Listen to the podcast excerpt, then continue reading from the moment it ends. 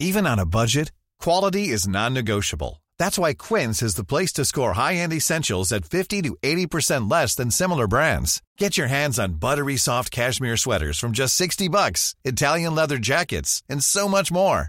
And the best part about Quince, they exclusively partner with factories committed to safe, ethical, and responsible manufacturing. Elevate your style without the elevated price tag with Quince. Go to quince.com slash upgrade for free shipping and 365-day returns. I'm Sandra, and I'm just the professional your small business was looking for. But you didn't hire me because you didn't use LinkedIn jobs. LinkedIn has professionals you can't find anywhere else, including those who aren't actively looking for a new job but might be open to the perfect role, like me.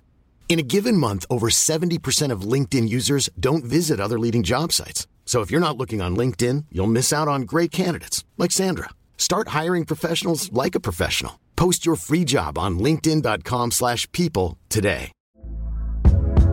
Hey there, it's Michelle Norris. I'm host of a podcast called Your Mama's Kitchen. When I travel, I'm usually looking for a way to find a taste of home when I'm not at home. And one of the things I love to do when I am at home is entertain. And Airbnb allows me to do that. When I was in California recently, I rented a house that had a great kitchen. And when we were sitting around the table, we we're all thinking, we're in someone else's house. Someone could be in all of our homes as well.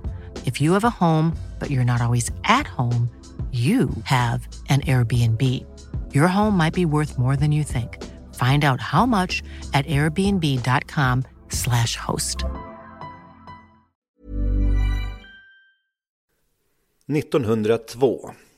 Under våren äger ett flertal demonstrationer och en storstrejk om allmän och lika rösträtt rum.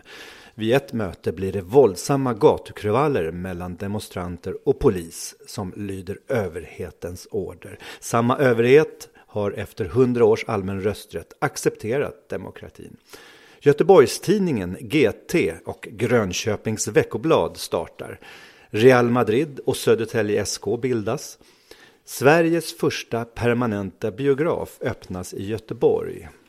Och detaljhandlarna KM Lundberg och Josef Leja bildar det Nordiska kompaniet NK. 1902 föds Charles Lindberg, John Steinbeck, John Åsa-Nisse Elfström, Leni Riefenstahl, Ayatollah Khomeini, McDonalds-exploatören och utvecklaren Ray Kroc samt Bertil Almqvist som skapade såväl Barna Hedenhös som den svenska tigen som teg under andra världskriget.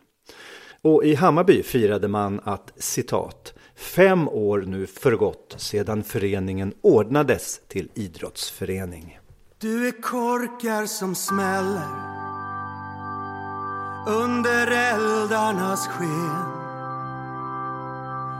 Du är laget som skräller mjölksyrade ben. En pulserande åder. Du är Götgatan i april, men i läget som råder Hej, här är podden för dig som vill veta mer om Hammarby IFs långa historia. Från 1889 och framåt. Vi spelar in på vinden i Gula Villan vid Kanalplan som när huset byggdes för 103 år sedan fungerade som boxningslokal.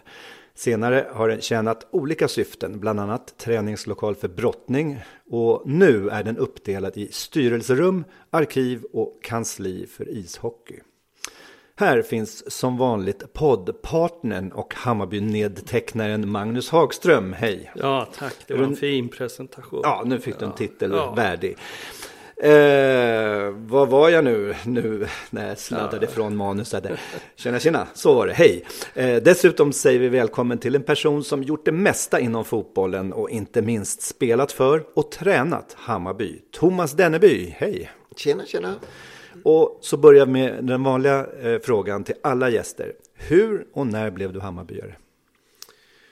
Oj, år tror jag nu är svårt att sätta, men eh, ja, någon gång på 60-talet i alla fall. Var du det från allra första start? ja, eh, min pappa var en klassisk Hammarby-supporter. Eh, Han gick på allt, fotboll och bandy och sådär och levde mycket för Hammarby vid sidan av sitt jobb då. Eh, så han släpade ju med mig från tidigt 60-tal. Så, eh, så blev det. Det var ju liksom inskolning i rätt led om man säger så. Du är uppväxt söder om stan? Ja, växte upp i Årsta. Eh, tillsammans med bland annat Anders Forsberg som sen kommer att stå i målet också. Eh, så nej, det var liksom egentligen 3-4 tusen meter upp till Söderstadien från där man växte upp. Så det blev en naturlig eh naturligt. Det var bara Hammarby som gällde. Ja, det, det, blev så. Även om faktiskt Djurgården en gång var ryckt in mig när jag var 11-12 år där. Men det blev aldrig någonting. Det la farsan in veto. Men de var faktiskt först och kollade om jag inte ville lämna spårvägen där jag var då. Eh, vi kommer återkomma till den här eh, onämnbara eh, senare gissar jag. Men först ska vi prata lite om Hammarby IFs 1902. För lagom till idrottsföreningens femårsdag hade föreningen blivit just det, en idrottsförening.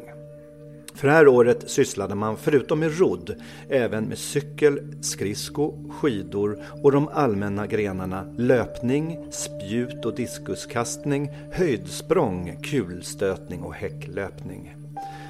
Vissa tävlingar arrangerades av Hammarby, bland annat en skridskotävling på Hammarby sjö i november som drog hundratals i publik.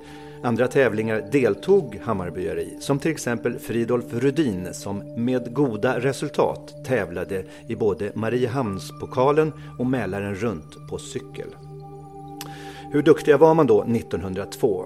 Ja, i friidrottsgrenarna finns varierande resultat. O. Janssons 13 sekunder på 100 meter för juniorer och C. Karlssons 41.20 i spjut, även det för juniorer, låter ganska okej. Okay. Det gäller även F. Lindgrens 14.03 i kula. Däremot låter junioren Herman Jakobssons 22.08 i spjut som i kortaste laget. Och man undrar ju om Hjalmar Engströms 21,6 respektive 23,2 på 110 meter häck. Då undrar jag då om man tog sig över häckarna med repstege, alltså 23 sekunder. Det verkar som om föreningen stundom hade väl glada medlemmar och festdeltagare. Vi har tidigare berättat om klubbaftnar som inte blivit av. Den 8 maj beslutade styrelsen att kortspel inte längre skulle vara tillåtet i båthuset. Under året ordnades en skridskobana bland annat för skolbarn tillsammans med Katarina skolråd. Föreningen fick 500 kronor per år i anslag. Roddarna i båten Spurt satte nytt rekord på distansen, alltså tävlingen Sjötullen ute på Djurgården till Vaxholm. Nu rodde man den på en timme, 13 minuter och 34 sekunder. En person i segrarbåten, nämligen Knut Hultström, drabbades av någon form av sjukdom. För senare under året beslutade styrelsen att skänka fem kronor åt en Vaxholmsgumma som tagit hand om honom. Hammarby är ju kända för att alltid haft risig ekonomi. Men det är en sanning med modifikation. En idrottsförening är ju inte, eller ska ju inte vara ett investmentbolag, utan Pengarna ska rulla och humöret ska vara glatt, höll jag på att säga. Eller, ja, de ska användas i alla fall. Och ibland fattas det pengar helt enkelt. År 1902 fattades det inga pengar i Hammarbys klubbkassa. Föreningen gick plus med dryga hundralappen och hade tillgångar som översteg skulderna med flera tusen kronor. Men hur fick då Hammarby in pengar? Ett exempel är den basar som Axel Robert Sköntal och Nils Rubensson initierade. Hammarby fick låna två stora lokaler i Barnängen och för pengarna man fick in köpte man roddmateriel.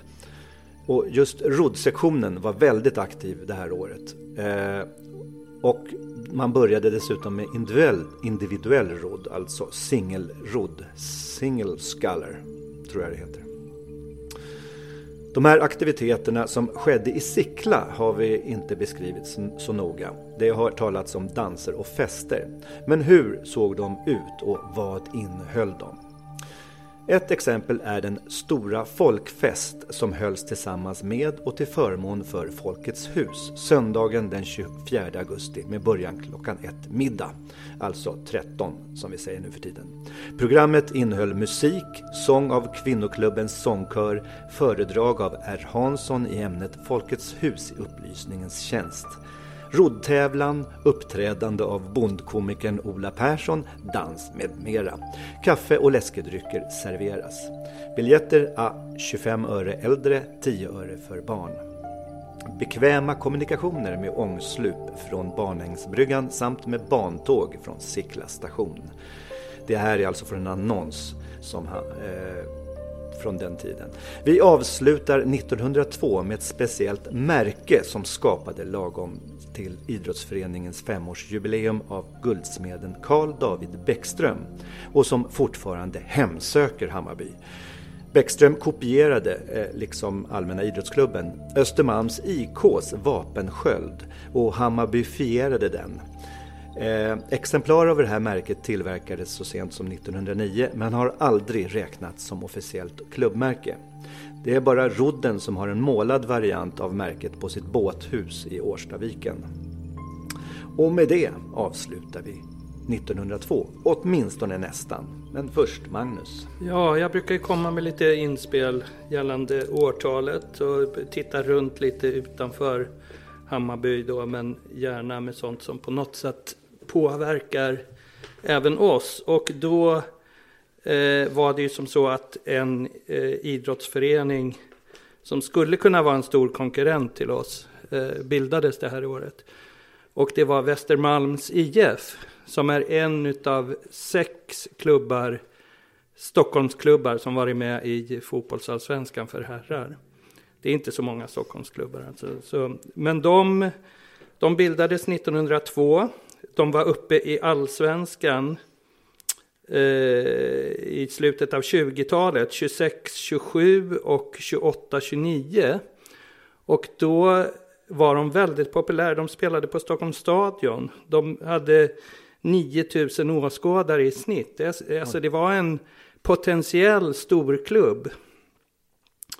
I division 2 hade de en gång på bortaplan, framhålls det då, eh, sitt publikrekord i, på division 2-nivå. Det var mot Hammarby, 14 000 åskådare. Och det vet jag inte vilket år det var, men eh, i alla fall så, det här sista året de var med, 1928-29, då var även AIK representerat i, i fotbollsallsvenskan.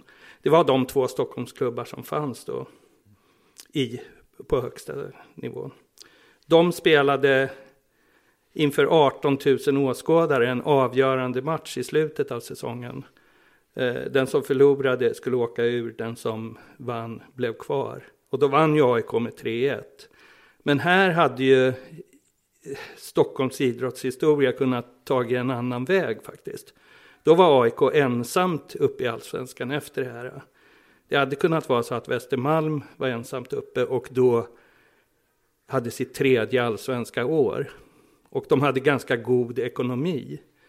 Eh, så, men nu blev det inte så. Men Nej. där hade historien kunnat ta eh, en annan väg. Önskar du att, det, att den hade tagit en annan väg? ja, alltså... Så kanske de hade varit motsvarande då? Ja, Fast de har väl vitt och någonting va? Är det vitt och svart eller? Mm, de är svartvitrandiga med blåa byxor hade de på den här tiden. Då. De också? Ja. Eh, de hade några landslagsspelare. Eh, AIK värvade ju deras skyttekung Knut Johansson då när de, när han, när de åkte ur. Eh, internationellt då, där har jag tittat lite på eh, Home Nations Championship. Vet ni vad det är? Det låter som någon sport, eh, brittisk sport. Ja, det är brittiskt. Det är rugby. Eh, 1902 spelades Home Nations Championship för 20 eh, gången. Eh, och det då var mästerskapet mellan Wales, Skottland, Irland och England. Eh, och den där turneringen har blivit bestående. Den har utökats. 1910 blev det istället Five Nations. Då kom Frankrike med. Och, och 20, 20 000 tänkte jag säga. År 2000 eh, kom Italien med. Så nu är de Six Nations i den turneringen. Och att jag vad har det här med Hammarby att göra? Det har väl inte direkt någonting, men jag tycker det är kul att nämna för att eh, vi har ju sen just 2000 tror jag, eh, rugby i eh, Hammarby. Och eh, jag brukar titta lite på och följa liksom, utvecklingen. Och, eh, jag tycker att det är en förening som kan framhållas lite. De arbetar väldigt eh, metodiskt och strukturerat och liksom bygger långsamt, skapar eh, ungdomsverksamhet i liksom åldersgrupp för åldersgrupp och eh, har ordning på ekonomin. De sätter upp eh, visionsdokument och följer upp de där visionsdokumenten.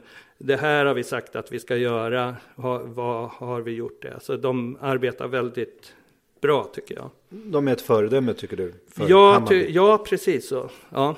Okay. Det var det. Ja. Eh, 1902 råkade faktiskt vara, det är inte ett dugg slumpartat förstås, men det är ändå samma år eh, så skrevs originaltexten till eh, år, eh, dagens första Hammarbylåt.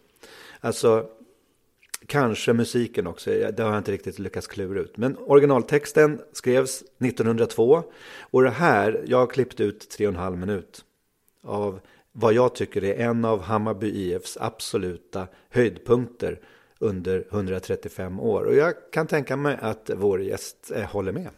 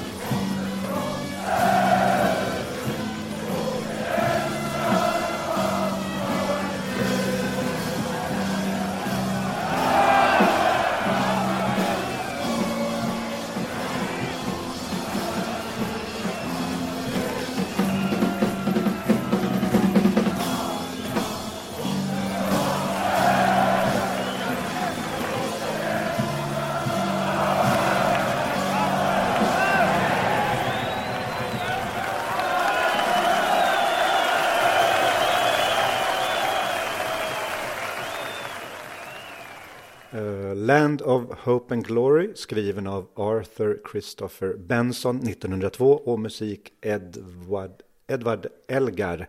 Det här var då Hammarbyklacken tillsammans med Hägersten Hot Heaven hösten 82 mot Elfsborg. Fina minnen. Ja. Uh, hur, alltså, nu kommer den här klassiska frågan som man säger. Hur kändes det att lira fotboll i den här atmosfären? Nej, det var grymt helt enkelt. Det var helt fantastiskt. Eh, ja, det, det, var ju helt nytt. Jag kommer ihåg eh, man satt i omklädningsrummet och hörde när de drog igång och man tänkte vad sjutton är det här för något? Men eh, för oss som spelade i Hammarby då var det bara inspirerande. Och direkt när du satte på den här melodin här nu så kom ju Flashback. Alltså det var precis som att jag såg hela Söderstadion matchen. Jag tror till och med att de, de kom igång redan i kvartsfinalen mot Örgryte. Som var en mulen höstkväll med lite eh, regn och sådär. Jag tror vi vann med 5-1 och gjorde det på mycket inspiration på grund av den stämning som var och sådär. Den där goda stämningen tog vi ju med oss sen då. då resten av slutspelet. Även om det kanske inte slutade exakt som vi hade önskat. Men mm. äh, mycket, mycket fantastiska minnen med den där låten naturligtvis. Vi kommer ju återkomma till 82 någonstans här i mitten. Eh, vad säger du då Magnus? Eh, det där är en eh, lite av en favorit för mig, en läktarfavorit för mig. Jag tycker det, eh, texten är inte så väldigt omfattande. Men jag tycker den eh, tar fram någonting väldigt fint och bra. Och det är det här, eh, här är Hammarbys A-lag, här är Hammarbys fans. Alla kommer från söder och vi älskar Hammarby. Alltså Hammarby är inte A-laget som springer där. Och Hammarby är inte fansen som står där. Hammarby är något, något annat, något större, något övergripande. Och det där tycker jag, med de få orden så får man fram det. Ett levnadssätt. Mm. Ja. En sak som slog mig när, när jag spelade in det här och lyssnade flera gånger. Det var att eh, jag tycker det mesta är bättre nu. Det var inte bättre förr. Men en sak som verkligen är bättre, och det hör man ju ett jättebra exempel på just i det här klippet. Det är att det är både konstant sång som alla vill ha och fullt fokus på matchen samtidigt. Det är inte det ena eller det andra. För nu är det ju mycket eh, nackdelen med dagens läktar, liksom, att det ska låta hela tiden, det är att det tar över. Det spelar liksom ingen roll om det är en frispark eller en kontring på planen. De, folk sjunger ungefär en, samma sak ändå. Här hör man hur publiken helt plötsligt avbryter sig mitt i sången och skriker nej eller domare och, eller en farlig chans och sådär. Och det, det gillar jag. Just den kombinationen att man liksom, man har, det är fest men ändå matchen är viktig. Viktigast. Uh, säg emot. Eller håll med. jag, tror, jag tror att du tycker likadant. Men uh, det är ett långskott. Ja, alltså det här kan, kommer vi ju diskutera i, i det oändliga kanske. Men nej, men så känner jag ju också. Jag, tycker, jag instämmer definitivt. För trots allt så det som ändå samlar, även om man nu kan säga att Hammarby är lite grann i en livsstil och det är ett väldigt nära samband mellan spelare och supporter och det är en tradition genom alla år så, här, så är det ju ändå någon form av fokus på den här matchen. Det är ändå matchen som samlar människorna att komma dit. Liksom. Så det tycker jag är fint att det, att det är fokus på fotbollen också. Mm. De har inte missat alla fina detaljer. Nej, precis. De som då du stod för, eller dina kompisar där nere. Så att vi inte glömmer er. Ja, jag har varit på läktaren också. Ja, jo, det är klart. De sista 40, ja, men ja. Även innan jag började spela. Jag, ja. jag stod ju där och gormade och skrek när jag var 13, 14, 15, 16 och sen helt plötsligt skulle de skicka ner mig och spela. Jag fattade ingenting, men så var det. Jag ska snart komma in på eh, huvudtemat som då är dig, eh, Thomas. Eh, jag ska bara påminna om att vi fortsätter eh, den här utlottningen av biljetter till gatuguiden Peter Frisks eh, Bajenvandringen i Hammarbys fotspår. Och som vanligt så, så delar vi ut två stycken biljetter till den som vill gå och den som har tur. Eh, och det är bara att skicka ett meddelande då till Hammarby Fs Twitter eller Facebook eller mejlar eller ringer, eller telegraferar, eller skickar flaskpost, eller gör vad som helst, bara jag får reda på att ni vill gå. Eh, nästa gång är det 3 mars. Och han startar alltså eh, den här vandringen här vid kanalplanen. Och sen går omkring på Söder en stund och berättar Hammarbyminnen. Eh, I förra avsnittet pratade vi om en träningsplan som Hammarby hade i början av 1900-talet.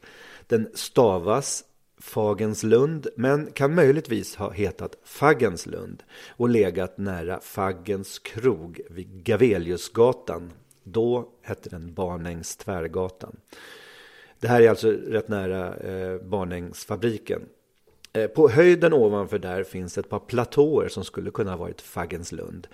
Ovanför Friluftsteatern, alltså den här Kalanton i Vitabergsparken, eh, finns bland annat Vitabergsparkens lekplats som är huvudmisstänkt att vara Hammarby IFs första träningsplan innan kanalplan stod klar 1915.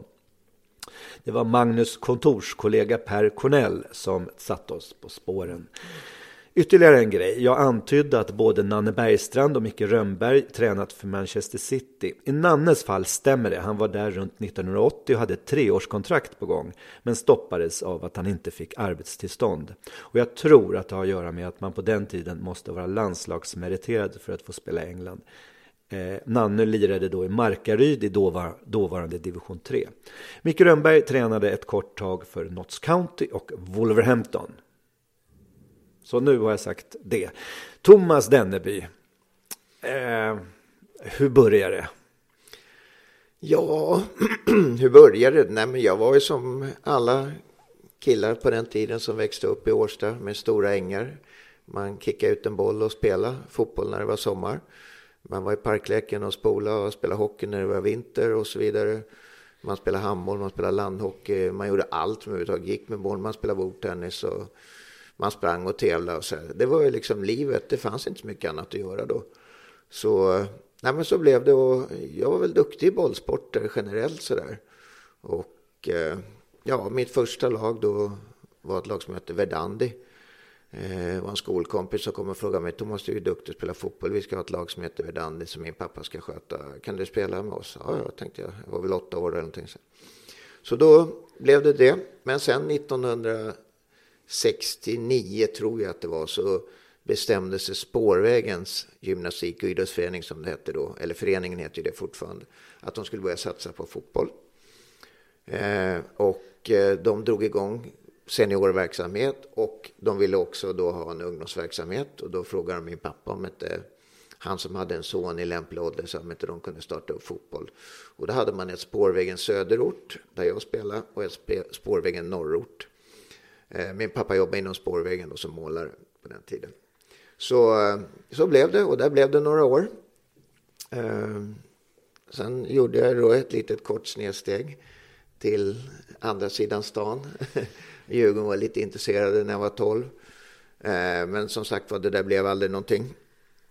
Eh, även om de väldigt gärna ville att jag skulle vara kvar så nej, det, det, det blev liksom inte rätt på något sätt för mig att spela i Djurgården helt enkelt. Var det för långt dit eller? Nej, egentligen inte det. Alltså, först och främst så ville min kära far absolut inte att jag skulle spela i Djurgården. Det var ju liksom lite otänkbart för honom faktiskt. Och känslorna för mig var väl egentligen inte så där. Även om man är, när man är 12 år så blir det ju alltid lite skärmad av att någon är intresserad av det.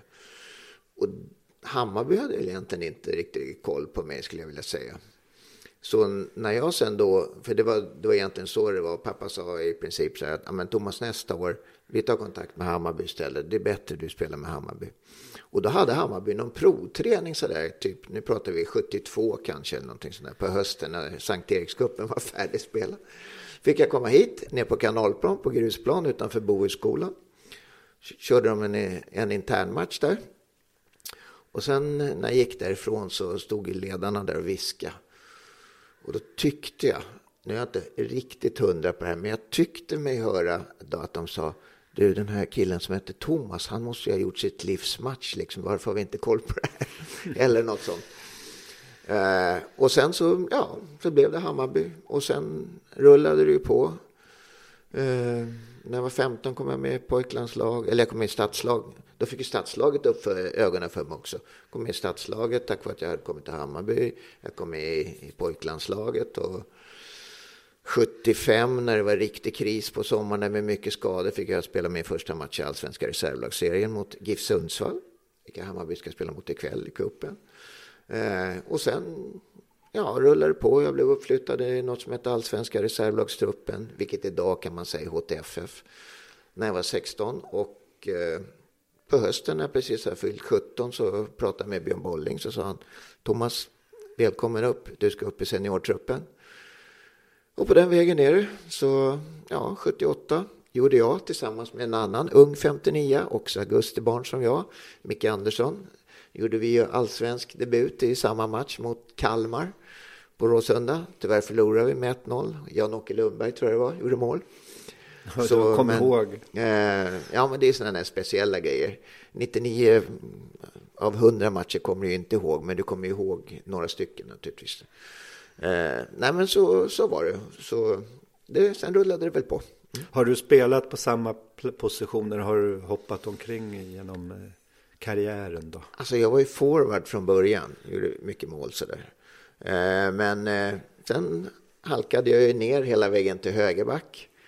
Eh, och spelade där då 77 och Matte Werner flyttade upp och hade lite offensiv mittfältsroll. Sen blev han ju forward 79. Men 79 lämnade jag högerbacksplatsen och flyttade upp och spelade höger mittfält. Så ja, och sen blev jag ju kvar på mittfältet kan man säga. Ah, jag, jag gjorde nog, när vi började så uselt 82 och hade tre poäng efter fem matcher eller någonting sånt där. Då spelade jag högerback, men sen skiftade Benke Persson tillbaka mig, så Peppe spelade höger mittfält framför mig. Och han flyttade ner Peppe och lyfte upp mig till mittfältet igen. Och det blev bättre totalt sett på något vis för laget. Per Holmberg. Peppe Holmberg, per Holmberg. Ja. Så var det. Nej men så, ja, man kan säga ett år som högerback och åtta år som mittfältare kan man väl säga. Om man ska hårdra det lite grann.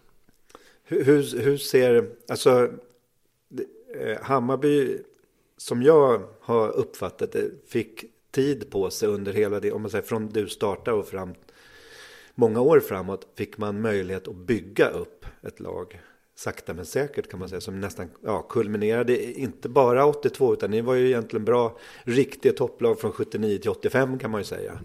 mer eller mindre ja, med lite ja, ja. Um, märk, kändes det också att det var att det var den utvecklingen som höll på att ske då? Ja, det, det får man ju faktiskt eh, ge Björn Bolling rätt mycket cred som också hade modet att lyfta upp unga spelare vi var ju ganska många som var unga då. Eh, och även om då kanske 77, 78, de två första åren var att vi var någonstans i mitten, eller kanske till och med lite under mitten, så let han ändå oss spela och såg att här fanns ju en framtid. Och tu, eh, Tom Turesson när han kom sen 78 också då. Eh, och att få den supporten och få den möjligheten till att spela in sig var naturligtvis jätteviktigt.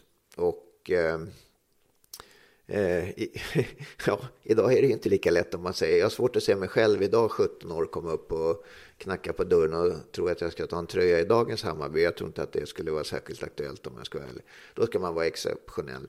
Men eh, på den tiden gick det ju och eh, sen eh, kom Julle Gustafsson 79. Eh, och Julle hade en väldigt, väldigt bra sida. Det var att han var duktig på att göra tävlingsmänniskor och spelare. Eh, det tyckte jag var hans starkaste sida. Och under en lång tid där vi tränade väldigt hårt, framför allt med gode Björn Ekblom. Och eh, vi blev tävlingsmänniskor. Alltså det var riktigt hett på träningarna. Matcherna var nästan lugnare än träningarna, alltså, om man ska vara riktigt ärlig. Och sen kryddade vi det då 82 med eh, Benke Persson som kom med lite mer taktisk mind och lite andra finesser och tillförde eh, sådär. Så att, eh, och då hade vi haft den här långa skolningen så då blev det ju bra till slut. Liksom. Vi kryddade ju på med bra spelare också. Putte Ramberg kom in 78, Uffe kom in 79.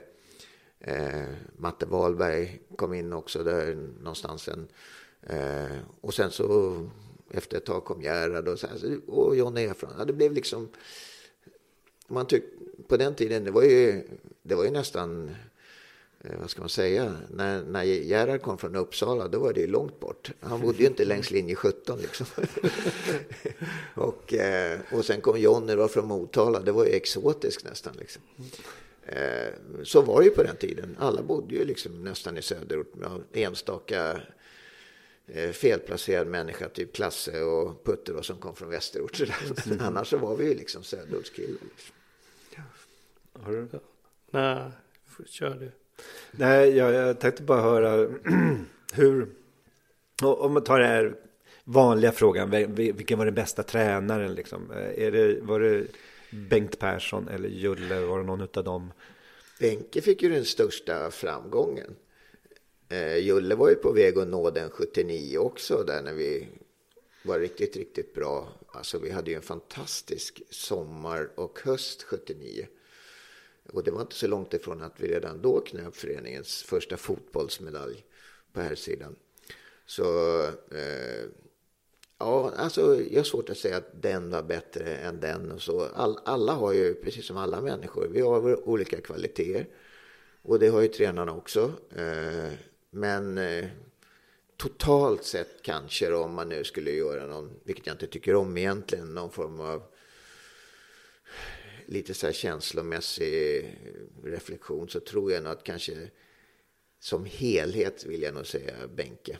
Mm. Vilken av, alltså, du har ju själv blivit tränare också.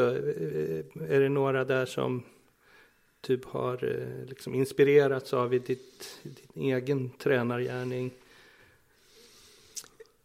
Ja, alltså det tror jag väl att man, man försöker plocka lite av alla men om, om man, tiden gick ju framåt också under den tiden jag spelade. Eh, Benke var ju alltid väldigt väl förberedd och visste vad han gjorde varje träning. Det var ju liksom aldrig så att han 25 stod med blocken mitt på plan och sa, ja, men vad fan gör vi idag? Och titta på, har du någon bra passningsövning? Eller, det var ju liksom, eh, men det där var ju precis i gränsen där när man gick ifrån att man satte ihop träningen på tio minuter och att man verkligen började fundera på vad man skulle göra. Eh, så att, men jag är väl mer Eh, så att jag alltid är väldigt väl förberedd går ut på, innan jag går ut på en fotbollsplan och vet vad jag ska göra med lag och varför jag ska göra det. Så där, att, att bara höfta ihop något, det, det kanske funkar en gång eller två, men inte om du ska ha en bra långsiktighet och koll på vad du har gjort genom under tiden, liksom, genom, från en månad till en annan. Om du har en långsiktighet och kan gå tillbaka och stämma av och så där. Det kan du inte göra om du inte... Jag har kvar alla mina träningar. Liksom. Det, li det ligger kvar så jag kan titta tillbaka exakt vad gjorde jag den här veckan och vad gjorde jag den veckan. Och så där. så att jag försöker vara ganska organiserad. Du spelar ju mellan 77 och 85. Mm. Eh, 149 matcher, är det allsvenska matcher det? Uh... Allsvenska och då inte, de räknade ju inte med slutspelsmatcherna heller. Nej. Nej. Och sen uh, är det ju massa cupmatcher mm. Men mitt stora problem var väl egentligen att jag hade en alldeles för hög skadebild. Ehm, det började ju egentligen redan på sommaren 78. Det var ju fotbolls-VM då i Argentina. Och då gjorde man ju någonting hemma i Sverige som man kallade eh, Tipskuppen eller någonting sånt där. Eller för Svenska Spel eller Tipstjänst eller vad det hette på den tiden. De ville att det skulle vara matcher i Sverige. Så då gjorde man så att man delade väl upp allsvenskan i två delar, norra och södra. Och så spelade man en enkel serie och så skulle vinnarna spela sin final. Och den finalen gick på Ullevi i Göteborg. Och eh, vi låg under med 1-0. Vi kvitterade till 1-1. Det var faktiskt jag själv som gjorde mål. Men bara någon minut efter det så fick jag en lite, lite, lite för kort boll. Eh, från Kenta tror jag faktiskt att det var. Och eh, försökte hinna först ändå, även fast jag var lite efter. Det var bara det att eh, eh Christer Kvist i Elfsborg, han kom åkande med lite dobbar före och träffade liksom på sidan av mitt knä. Så ja, då sa det pang och så var jag borta i elva månader. Så att eh, det blev ju en lång skadefrånvaro då, operationer och sådär. Och så kom jag ju tillbaka. Ja, min första match efter eh, eh den långa skadeperioden var ju mot Djurgården hemma i maj 79. 5-2. 5-2. Och jag fick den matchen, det är en av de här som jag aldrig kommer glömma, för jag gjorde faktiskt 1-0. Ah, ja. Eh, Putte Ramberg klackade fram den till mig, så sköt jag med min stenhårda vänster som jag knappt kunde stå på. Nej då, men, eh, nej, men det var ett minne, för det var ju många som kanske hade trott att nej, men Thomas, så allvarlig skada, så ung. Någon eller några kanske hade nästan börjat räkna ut med.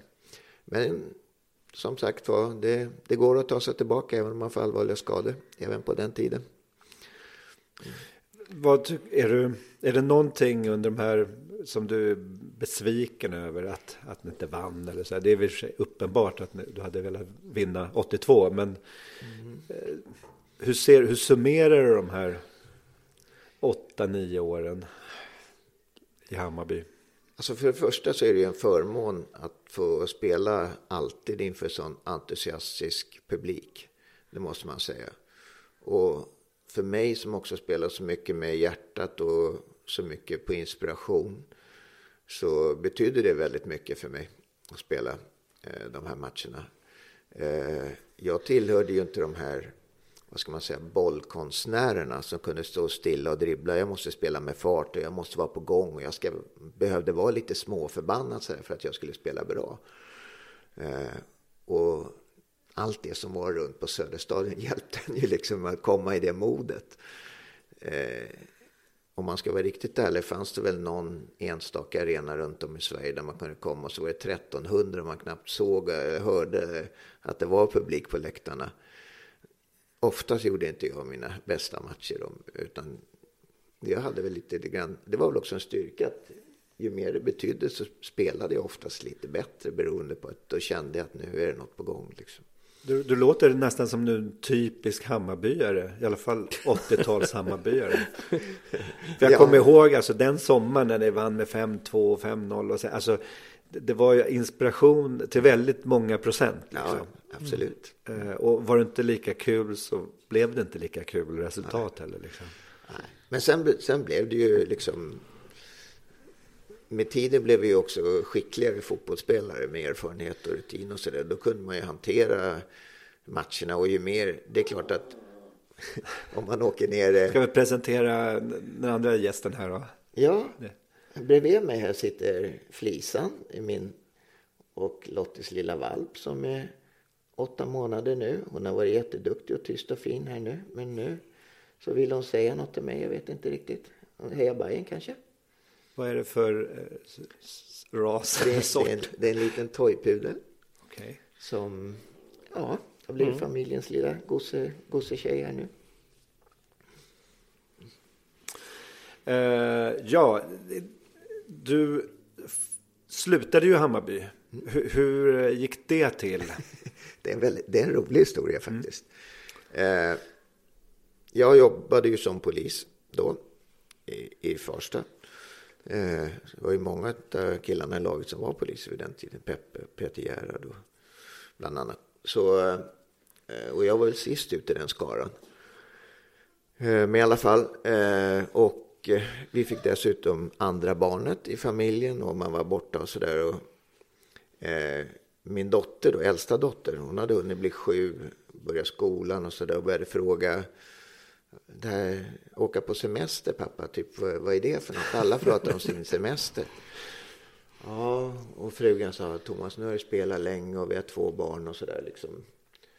Så då gick jag faktiskt till Stickan Hanret och Åke Örbom på den tiden och sa att jag kan tänka mig att spela ett om vi vinner mot Köln.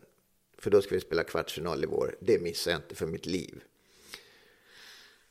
Om vi inte gör det så kan jag tänka mig att fortsätta spela om det är så att jag kan få vara ledig två veckor sammanhängande på sommaren. Och då sa de, ja, det där, vi är ju lite drott, det går liksom inte riktigt och så. Och så kunde vi inte lösa det där och då fick jag ju prata med Lennart Nyman då istället. Som kom och sa, ja Denneby, vad har Denneby i lön? så fick jag betala, eh, berätta vad jag hade i lön och då sa ja jag kan betala Denneby så här mycket. Då fortsätter väl Denneby. Eh, han sa just Denneby, inte Thomas liksom. Ja, nej, men så jag, jag har ju berättat vad det är och det är faktiskt eh, seriöst. Ja, ja, men då, så här, du får så här mycket betalt. Ja, tack Lennart, så, men det är, jag är faktiskt ärlig när jag säger att det är mer andra saker i livet än att få någon, någon tusenlapp till liksom, i lönekuvertet.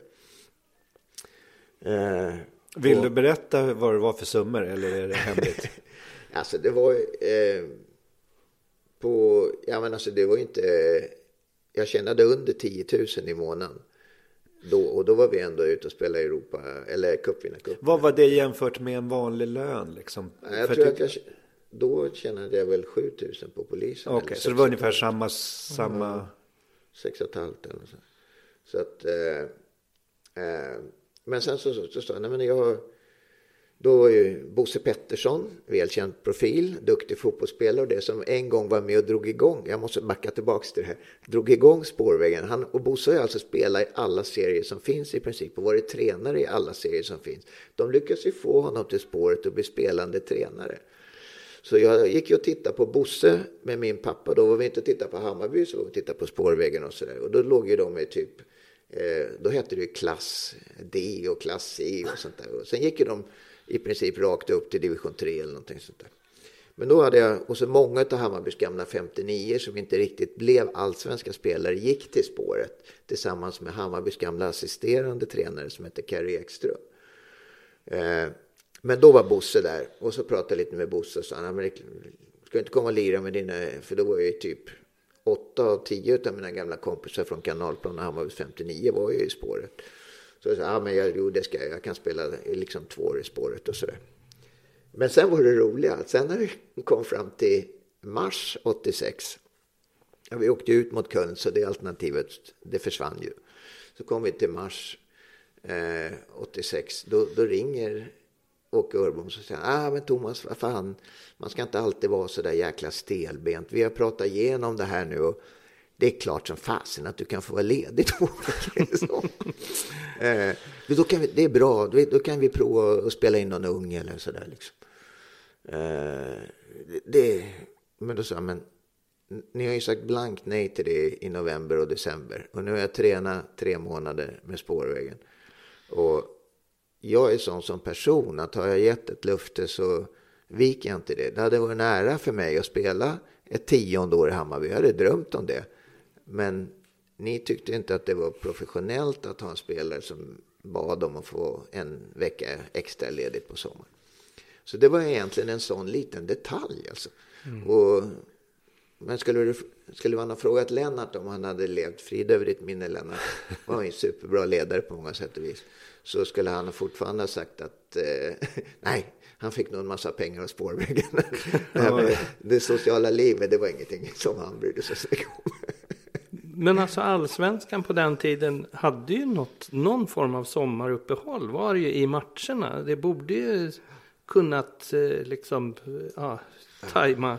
Ja. Men de ville att ni skulle vara på plats och träna då under, eh, alltså även om det var tre veckors uppehåll i allsvenskan. Så ja, och vi fick ju oftast fem eller sex dagar, så det brukade det ju vara så här sammanhängande. Mm. Mm. Så, men eh, å andra sidan så Eh, ja, det var ett beslut man tog då. Det är klart att idag när jag sitter här nu och tittar tillbaka så är det klart att det hade varit roligt att göra en tionde säsong också. Och, så där. och sen kan man vända på det igen och säga att hade det varit som det är idag, då hade det inte varit så att man hade ett jobb vid sidan om. För det var ju så, man gick ju hemifrån, eh, i mitt fall då beroende på, man säger 6-7 på morgonen. Och sen kom han hem åtta på kvällen. Man var ju borta 13 timmar om dagen. För vi tränade ju uppe på Årsta, eh, eller på Söderstadion klockan fem. Och sen var det ju obligatorisk mat efter och sådär. Och, det. och sen, det var ju först, ja kan det vara 82, 83 någonstans där när vi fick börja träna klockan tre på fredagarna. Då tyckte man ju att man var fullblodsproffs. Så, eh, nej men det var, det var ju lite andra tider. Idag hade man ju eh, säkert aldrig ens fundera på att inte fortsätta spela. Eh, liksom, hade man ju kunnat spela om man nu är frisk naturligtvis. Mm. Eh, tills man är 30-35, för det är andra förutsättningar. Det fanns ju liksom aldrig någon tid för återhämtning på den tiden, utan det var ju sköta jobbet och spela fotboll. Fotboll var ju egentligen hobbyverksamhet även fast det var allsvensk. Mm. Mm.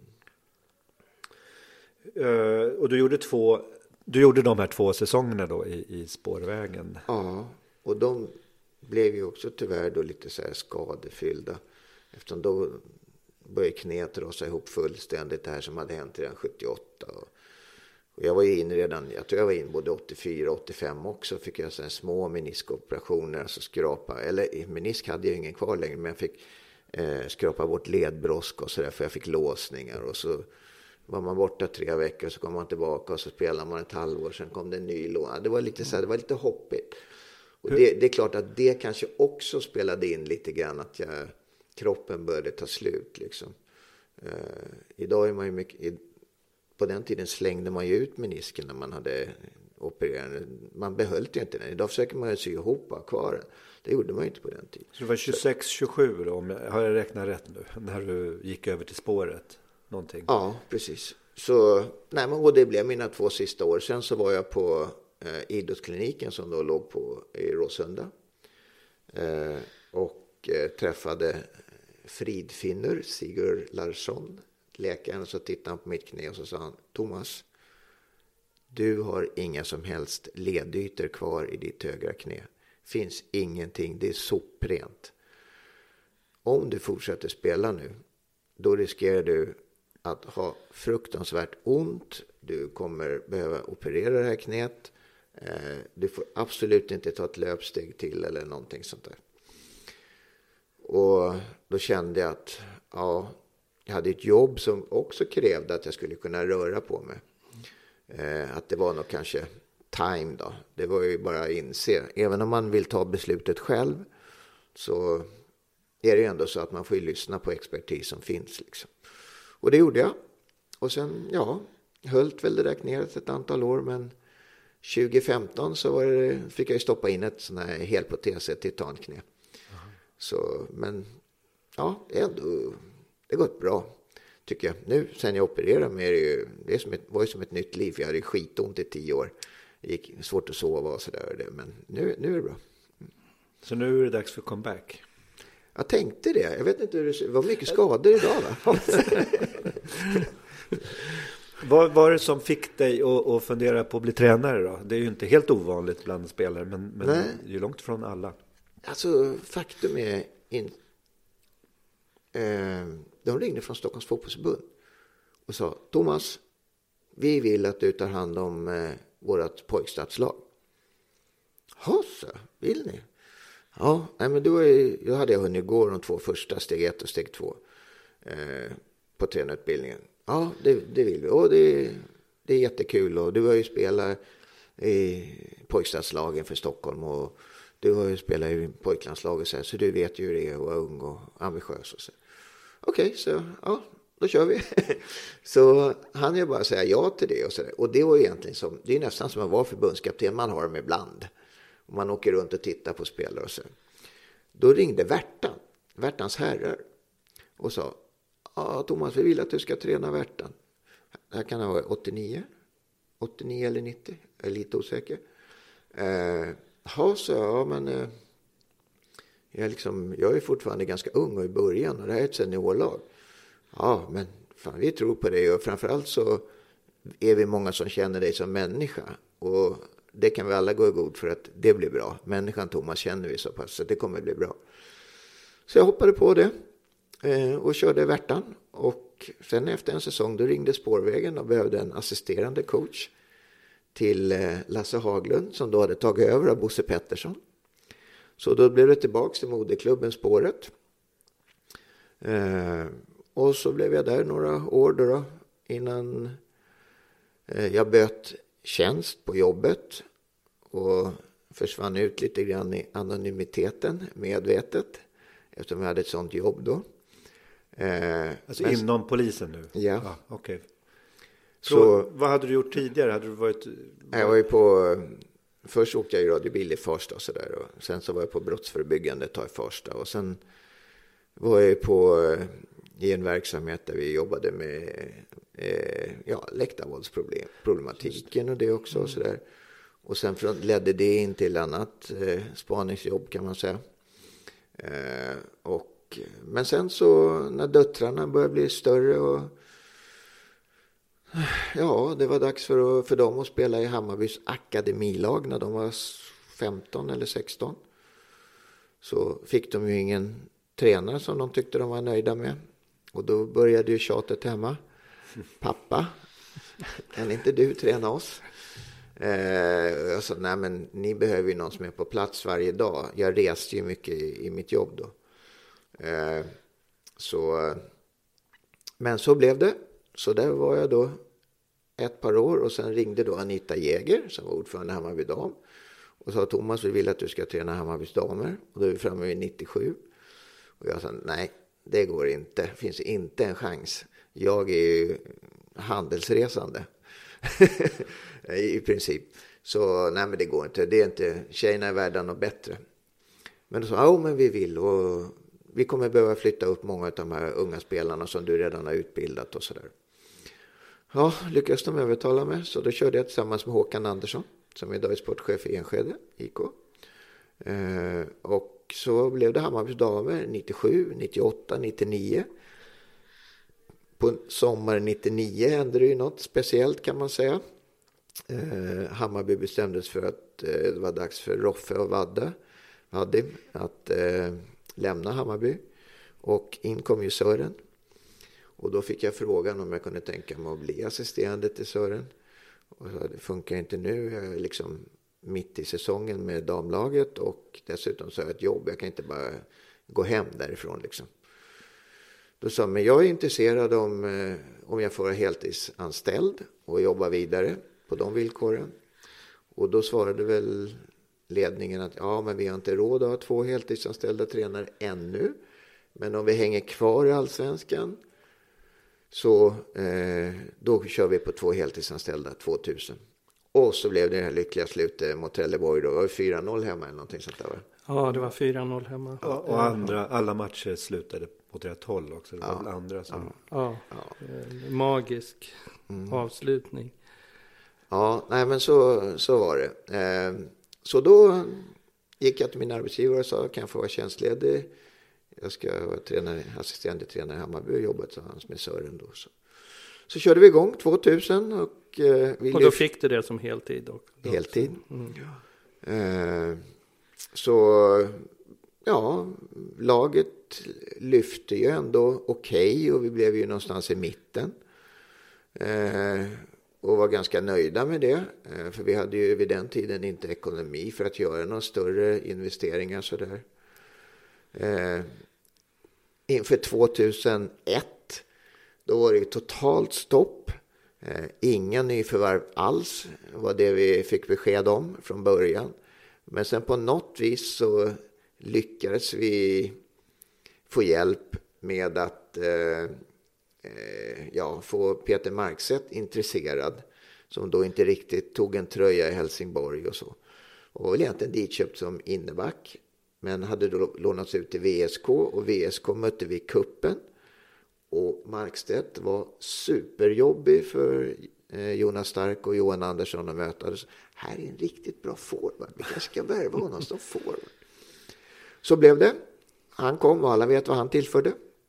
Och kombinationen med Herman blev ju fantastisk. Och, eh, trots då den här usla inledningen på året med dåliga träningsmatcher, dåliga resultat så när allsvenskan väl kom, då var det dags. Och sen presterade vi faktiskt väldigt, väldigt bra i början på allsvenskan. Och det dröjde några omgångar innan vi förlorade. Och vi byggde upp en stabilitet och under sommaren spelade vi helt fantastisk fotboll vill jag påstå.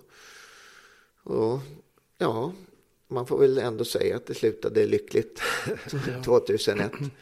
Eh, och det är väl kanske även fast man, jag var med och spelade finalerna själv då, 82, så är det ändå 2001 som kanske är det mest speciella för mig ändå, även fast jag inte var på plan.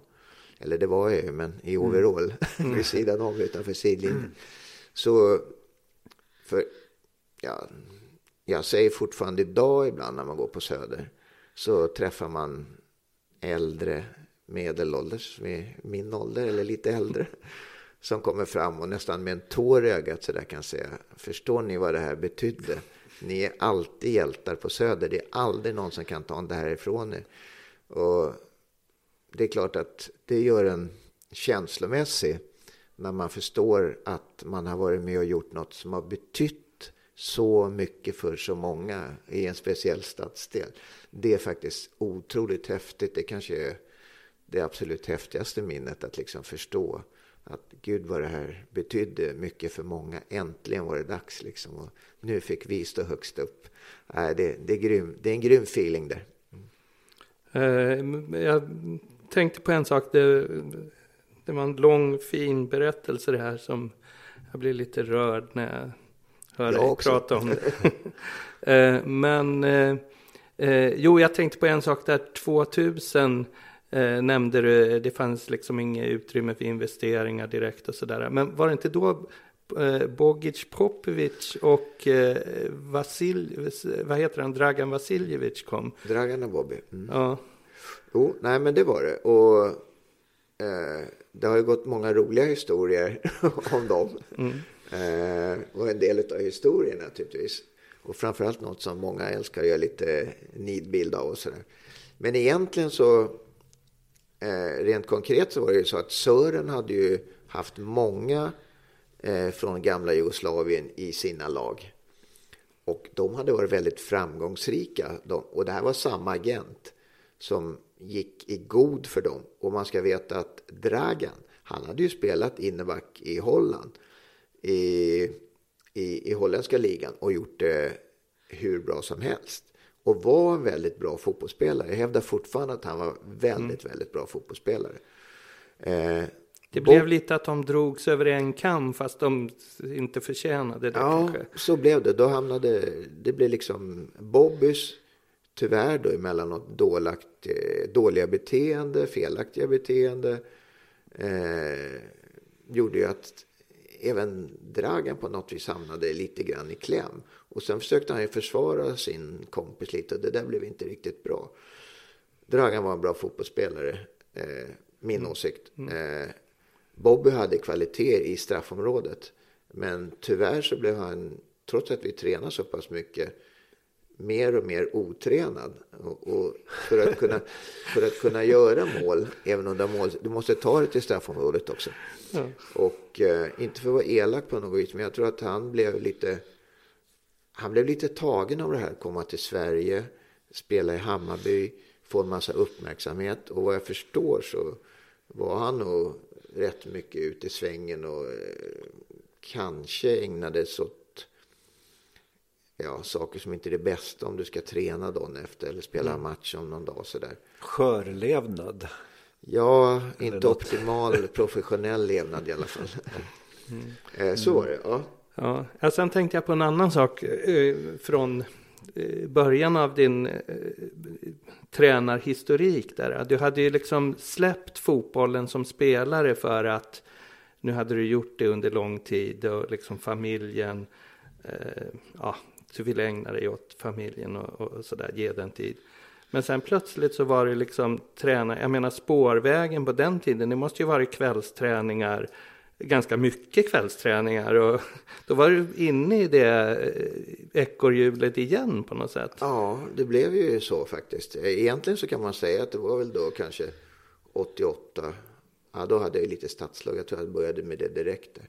Men kanske, ja, säg att det var 89. Ja, men det blev bara ett år eller två. Jag kommer inte ihåg exakt nu. Som jag egentligen inte hade det här uppe eh, tecknade schemat hela tiden. Mm. Och då, då var man tillbaka i det. Ja, men det blev okej okay ändå för... Ja, ja jag, jag, jag skilde mig 92 så det kanske är svårt. Okay, ja. mm. eh, nej då, men så, så... Men sen så... Nej, men det är ju så också att eh, ibland då tar man ett beslut och så får man liksom stå för det. Och, Sen så, ibland så blir det så att man kanske kan omvärdera det av olika anledningar. Så där. Och Eh, ett tag i spårvägen dessutom, eh, det sa jag aldrig, men så delade jag och Per Apelgren på det för att ingen av oss kunde vara där liksom sex dagar i veckan mm. eftersom vi jobbade. Och Per Apelgren han, han spelade också med mig i Hammarbys 59 och han spelade väl i allsvenska reservlagsserien lite med Hammarby. Och så vi var egentligen på varannan träning och stöttade Lasse Haglund. Så det var inte så här full tid och så på samma sätt. Mm. Men eh, från det jag klev in här sen, eh, 97 med Hammarbys damer, då var det ju tillbaka i det riktiga ekorrhjulet om man säger. Mm. Hej, jag Ryan Reynolds. At Mint Mobile, we like to do the opposite of what Big Wireless does. They charge you a lot. We charge you a little. So naturally, when they announced they'd be raising their prices due to inflation, we decided to deflate our prices due to not hating you. That's right. We're cutting the price of Mint Unlimited from $30 a month to just $15 a month. Give it a try at mintmobile.com slash switch. $45 upfront for three months plus taxes and fees. Promote for new customers for limited time. Unlimited more than 40 gigabytes per month. Slows. Full terms at mintmobile.com. I'm Sandra, and I'm just the professional your small business was looking for. But you didn't hire me because you didn't use LinkedIn jobs. LinkedIn has professionals you can't find anywhere else, including those who aren't actively looking for a new job but might be open to the perfect role, like me. In a given month, over 70% of LinkedIn users don't visit other leading job sites. So if you're not looking on LinkedIn, you'll miss out on great candidates like Sandra. Start hiring professionals like a professional. Post your free job on linkedin.com/people today. Jag tänkte på lite där du berättade om att vinna guld och att det betydde så mycket att kunna bidra med det till, till Hammarby då eller till folk på Söder. Eh, är det tror du att det blev extra mycket så eftersom du själv har en liksom, genuin Hammarby-bakgrund? Att det, om, man, om man jämför med Kratz då som kom utifrån som självklart har blivit eh, uppmärksammad för det minst sagt. Men att det ändå var något speciellt för dig som ändå kom från ur leden liksom på något sätt. Jo, men det är klart att det betydde väldigt, väldigt mycket. Och jag var också otroligt glad för att min pappa fick uppleva det. Mm. för ungefär i den vevan så började vi förstå att det var något som inte riktigt var hundra. Det visade sig att han hade ju då eh, en form av tjocktarmscancer. Och han dog ju sen på våren 23. Eh, men han fick uppleva SM-guldet. Och han hade sett mig vara med och kämpa för det här. Och nu fick han uppleva att jag ändå var med eller delaktig i det. Så han var väldigt, väldigt stolt och glad över det också.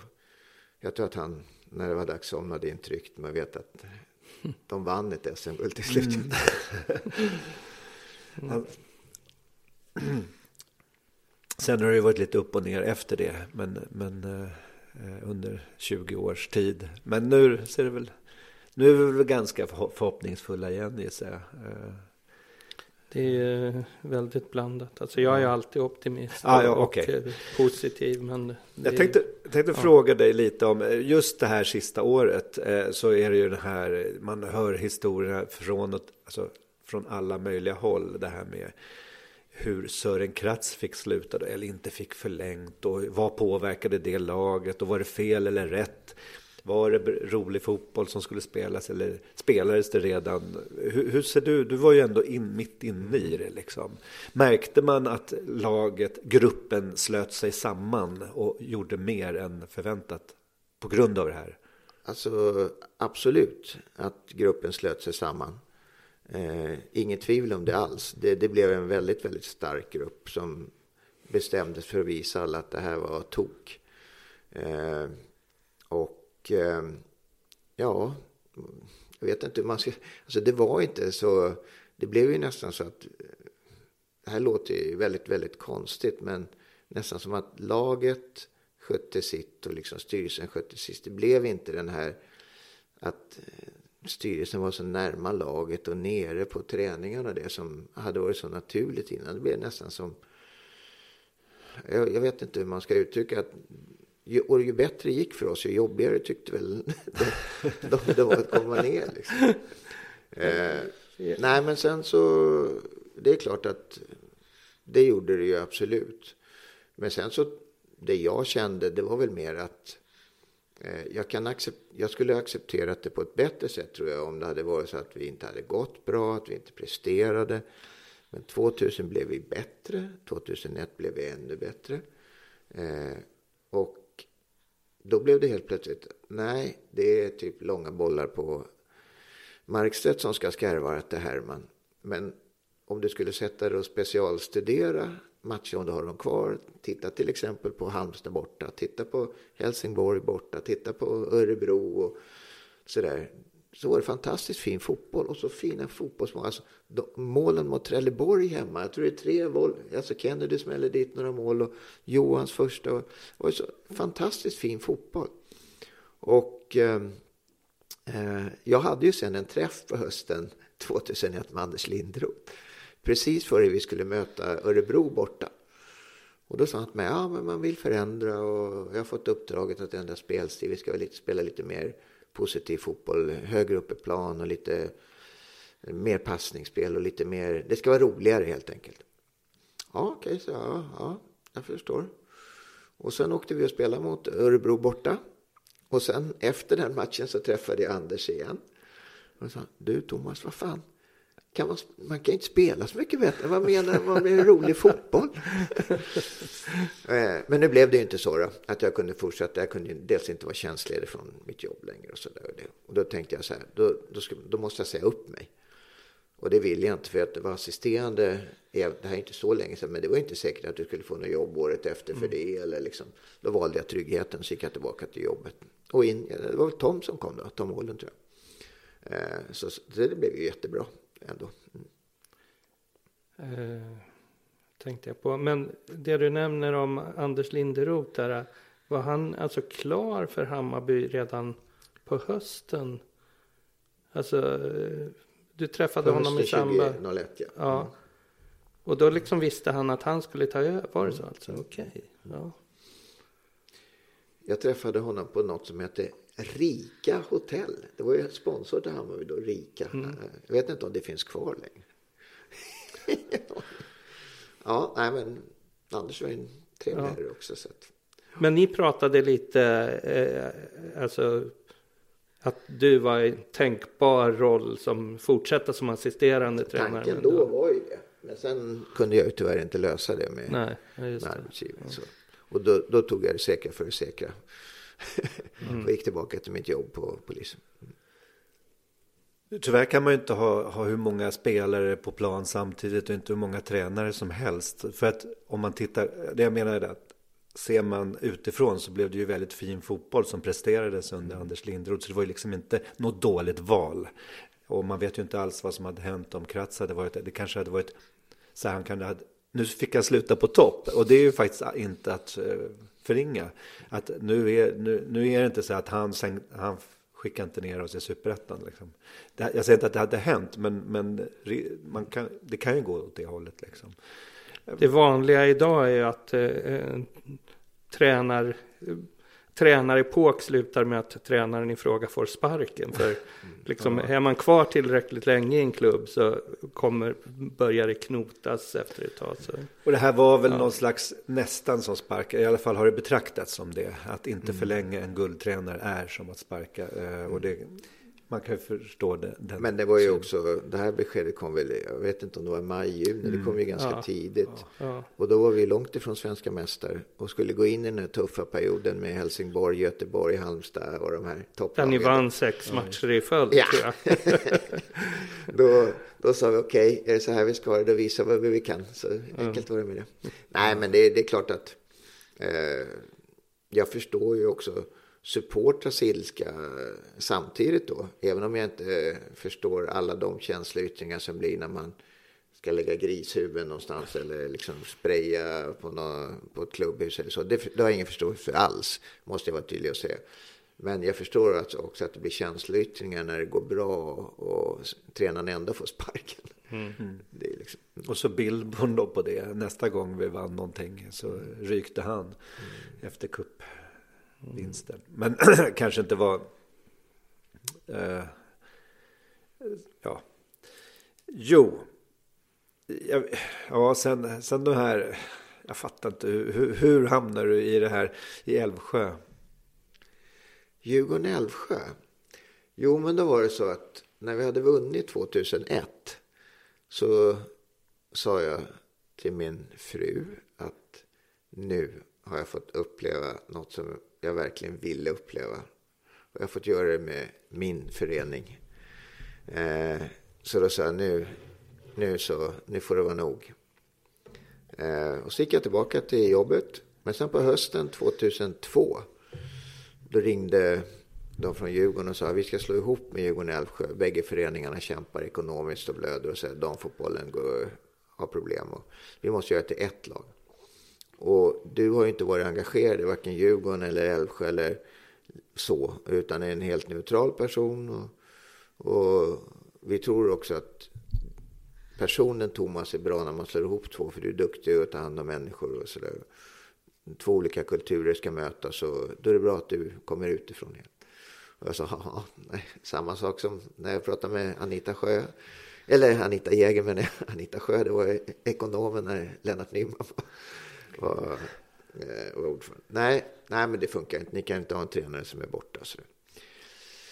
Men till slut lyckades de övertala mig efter några träffar och sådär. Eh, Jane som jag hade haft i Hammarby var ju där då också. Bland annat. Och Törnqvist. Jane Törnqvist. Fantastisk, underbar människa. Och lika bra fotbollsspelare som underbar människa. Eh, för övrigt varit med mig i Indien också som fystränare mm. Eh, en grym tjej. Eh, ja, nej men eh, så blev det och då sa de så här att ja men eh, vi vill att eh, ni ska vinna SM-guld senast 2005. Ja, så okej. Okay. Och så skrev vi 2 plus 1 option på tredje år. Det blev hur bra som helst. Vi vann SM-guld 2003. Eh, 2004 vann vi SM-guld igen. Eh, säkrades faktiskt här på kanalplan i match mot Hammarby. eh, vi vann Svenska kuppen, slog Umeå i final. Vi slog ut, blev lottade mot Umeå i Champions League. Vi slog ut Umeå i kvartsfinal i Champions League. Så vi vann allt som gick att vinna. Eh, och då gick jag till Per Danell som var ordförande. Och så sa jag, Per, ska jag verkligen göra det tredje året? Alltså målet var att vi skulle vinna 25. Nu har vi vunnit allt som går. Det är bättre jag lämnar nu och du satsar på någon ung som tycker det är kul att driva det vidare. Jaha, sa han. Ja, ja, ja. Mm.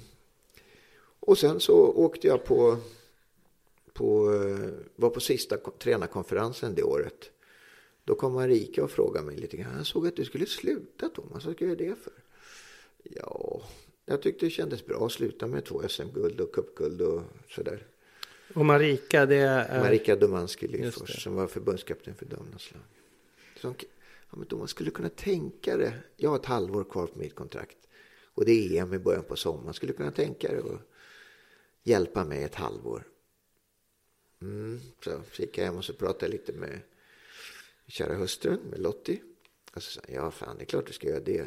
Du, du tycker dessutom om Marika och gillar ju henne som person. Det är perfekt att hjälpa henne ett halvår. Ett halvår hit eller dit spelar väl inte så stor roll. uh, och ja, och sen då när det var dags för Marika att sluta så blev det ju så att jag tog över då 2005 på sommaren och sen blev jag kvar till 2012. Så det blev lite längre än det där halvåret. Sju och ett halvt år eller någonting sånt där. Uh, ja, men jag kommer ihåg uh det där, du och jag brukade ju pratas vid mm. lite grann då under de där, just de där åren när du gick till Djurgården. Och, um, och då, som jag minns det, så tänkte du också lite, om du nu ska vara ha en karriär som fotbollstränare så kan du liksom inte bara vara förknippad med Hammarby hela tiden. Alltså liksom att du bara kan vara i Hammarby. Liksom ska det var liksom lite karriärtänk att liksom vidga möjligheterna på något sätt och, och, i det där. Absolut, precis så var det. För att det är så lätt att man blir som... Det är, är samma sak som att han är damtränare eller han är herrtränare. Idag är man inte dam eller herrtränare. Idag är man elittränare. Och upplägget för en elittränare ser likadant ut oavsett vilket kön det är på spelarna som är innanför de vita linjerna. Så eh, jag ser mig inte som dam eller herrtränare, jag ser mig som elittränare. Och jag tror att alla tränare idag, och nu dessutom, de sista 10-15 åren här, har det blivit superpopulärt, även bland gamla för detta manliga elitspelare, att också träna damlag. Det var det ju inte när jag började, jag var ju lite pionjär där liksom. Mm. Uh, fanns en du som spelar herrallsvenska, du ska ju träna damlag. Liksom. Det var många som såg ner lite på ja, det. Lite nerköp ja. trodde jag. Ja, de. ja, men det där har ju svängt helt. Ja. Tack och lov att samhället mm. går fram i vissa bitar i alla fall. Mm. Jag kommer också ihåg en annan sak från, från den här tiden. Och det var ju att eh, jag som Hammarby-supporter då tyckte väl lite här, ungefär som din pappa kanske tyckte också att Djurgården, det, det ska man väl inte hålla på med. Men jag kommer ihåg att du berättade att du under din tränartid i Djurgården så hade du ett halssmycke med, med Hammarbys klubbmärke som du behöll på hela tiden. Ja, ja. Även som Djurgårdstränare. Du knäpper upp översta skjortknappen här. Är det någonting det som kommer att... Nej, jag får inte upp är det samma? Ja, det, hänger, det har hängt här hela tiden. Ja. Oavsett var jag varit så det har hängt här liksom sen ja, någon gång på 90-talet. så det, så det, men det här, den, den här halskedjan, det är också en sån lite... Eh, min mamma blev ju tyvärr också... Det, bägge mina föräldrar har ju gått bort i någon form av tarmcancer. Men mamma väldigt tidigt medan jag fortfarande spelade. Mm. Så den här halskedjan fick jag faktiskt av henne när hon insåg att hon inte skulle klara sig. Och sen så hängde vi dit ett Hammarbymärke på Sen så det är mycket känslor i den här kedjan. Det är därför jag, aldrig, jag har aldrig tagit av mig den. eh, och eh, ja, hon dog 84 precis innan vi skulle jag tror att det var bort, vi skulle spela mot Gävle borta. Jag tror vi hade mött Malmö borta eller någonting sånt där. Innan precis så då skulle hon opereras. På den tiden hade man ingen mobiltelefon. Och när jag kom hem ringde jag upp till SÖS och frågade hur operationen hade gått. Då sa hon kom hit, du får prata med läkaren. Och då hade de väl i princip öppnat och bara sytt igen. Det blev liksom ingen operation. Sen blev det inte så mycket mer och sen somnade mamma in och sen skulle vi spela mot Gävle borta. På tal om mina skador pratade jag med Benke Persson och så sa jag, men Benke, kanske inte ska lira. Jag känner mig lite seg i kolan sådär, lite tankspridd och så. Nej men Thomas, fan, livet måste gå on. Vi kör bara. Det är liksom, jag vill att du lirar. Och det gjorde jag. Och så kom jag i en duell med Micke Källström, Kims pappa. Och jag var ju lite snabbare än han. Han är 59 så jag och vi spelar ihop i pojk, junior, U21, allting där. Bra kompisar dessutom. Jag hinner precis peta undan bollen när hans tackling kommer. Fotledsstukning. Missade början på slutspelet. Eh, Norr, var det Norrköping straffar? Var det 84? Mm. Eh, det var 84 Norrköping. Ja, jag missade ju de matcherna på grund mm. av den stukningen jag fick i matchen efter att, precis när min mamma hade avlidit, ja. mot Gävle borta. Så missade jag när vi Just åkte ut. Ja, det var 0-0 i båda matcherna här för mig. Ja, och, och mm. eh, avgjordes. Så så var det. Men vi, nu har vi mycket, det är familjehistoria det här ja. nästan ja. också. Tänkte ta ett litet break här, för vi brukar ha två eh, Hammarby-relaterade låtar. Mm. Alltså jag grävde ju fram över 200 som då ska spelas under poddseriens gång. Och nu eh, den här gången är det med ett band som heter Bayern Deluxe. Så att jag kör bara igång så får vi kommentera den efteråt.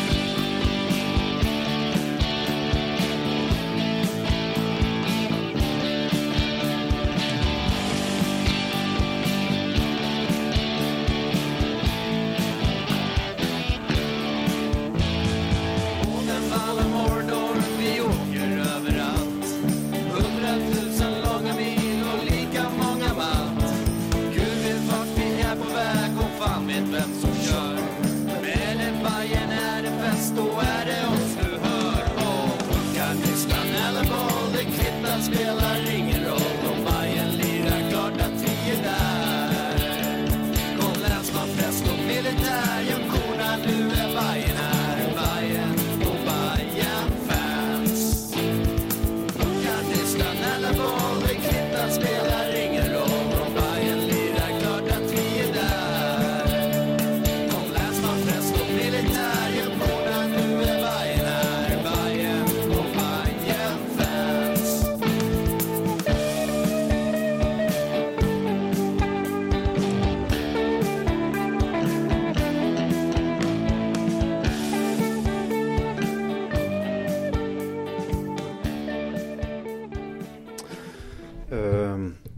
Bayern Deluxe med Borta med Bayern eh, 2019. Eh, jag brukar alltid, nu ska jag rätta till här lite. Jag brukar alltid ha någon kommentar så eh, jag får väl kasta ur mig någonting den här gången också. Även om det var lite svårt för det här känns som den väldigt, väldigt genomsnittliga Hammarby-låten. Eh, en, eh, ja, en, en, en standardlåt som man eh, tycker sig ha hört ett antal gånger. Ganska ofta att jag kommer till den, den slutsatsen. Men en sak som gjorde att den blev lite jobbigare och segare än, än snittet var de här långa instrumentalpartierna. Eh, alltså i en Bajen-låt eh, vill man där vill man att det ska sjungas som Hammarby på olika sätt. Och, jag menar, eh, gitarrsolon, då ska det vara Deep Purple-klass om, om det ska vara roligt att lyssna på. Liksom det, ja. Så Söders Richie Blackmore eh, fick inte ut sitt bästa just i den här låten. Alltså, ja. Mm. Ja, Okej, eh, men det var i alla fall eh, en av alla hundratals låtar som finns. Jag, som jag då har letat upp och jag har faktiskt fått tips under poddseriens gång om nya. Senast nu för någon vecka sedan. Som är inne i det här lotteriet som jag lottar ju då. Eh, två jättebra låtar. Jag, jag ser fram emot när de kommer.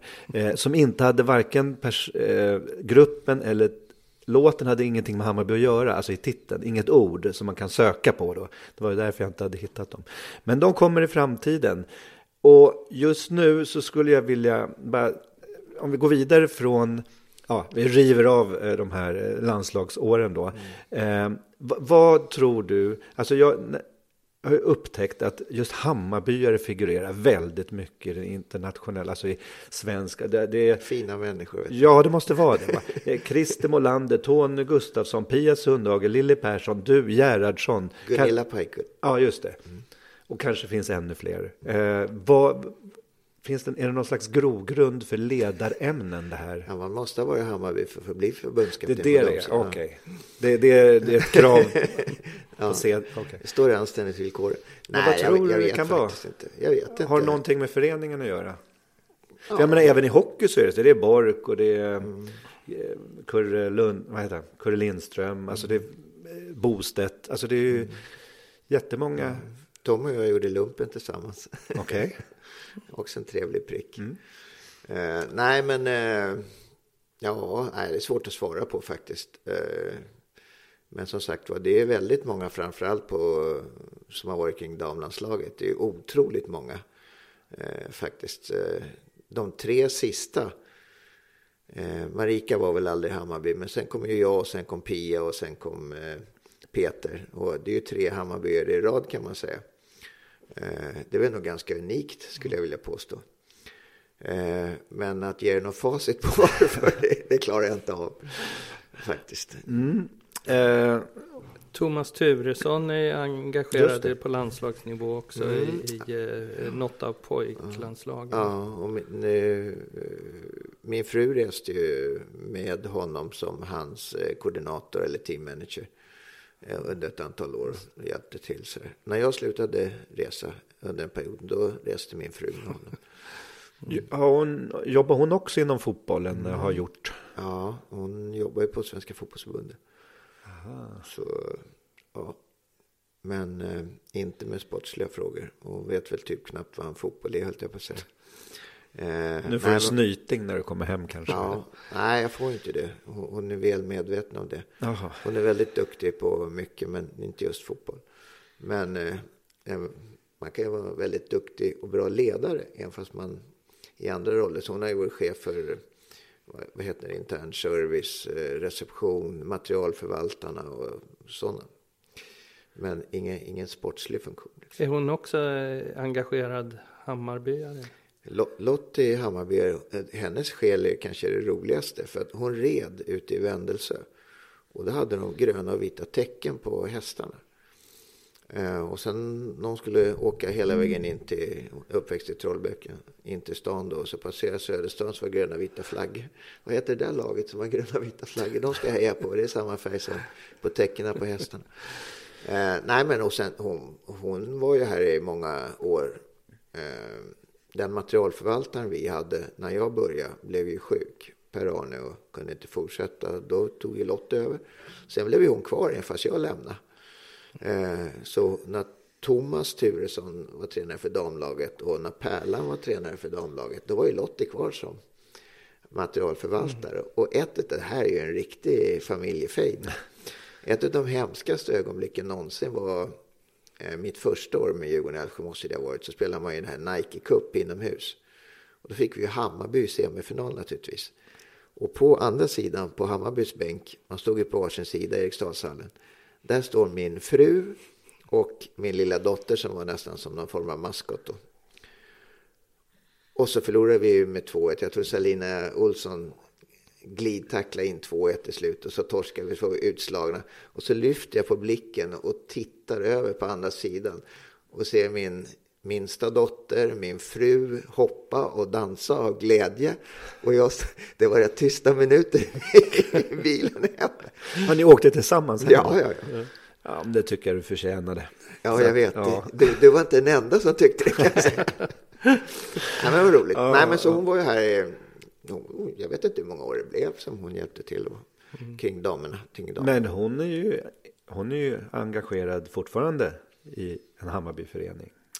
Ja, hon sitter väl i styrelsen för det här sällskapet Hammarby veteraner. Och de är ju en av medlemsföreningarna precis som fotboll och hockey. och allt. Så Så, att, nej, men hon kämpar på hon också.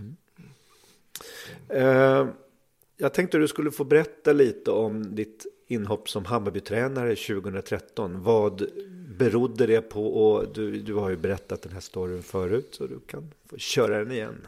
Ja, eh, jag satt ju i, i sportrådet.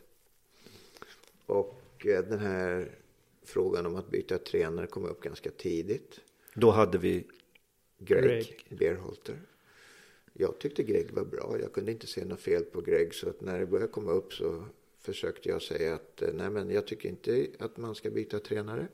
Ge honom förtroende. Förra året så började det otroligt bra med Greg, alltså 2012.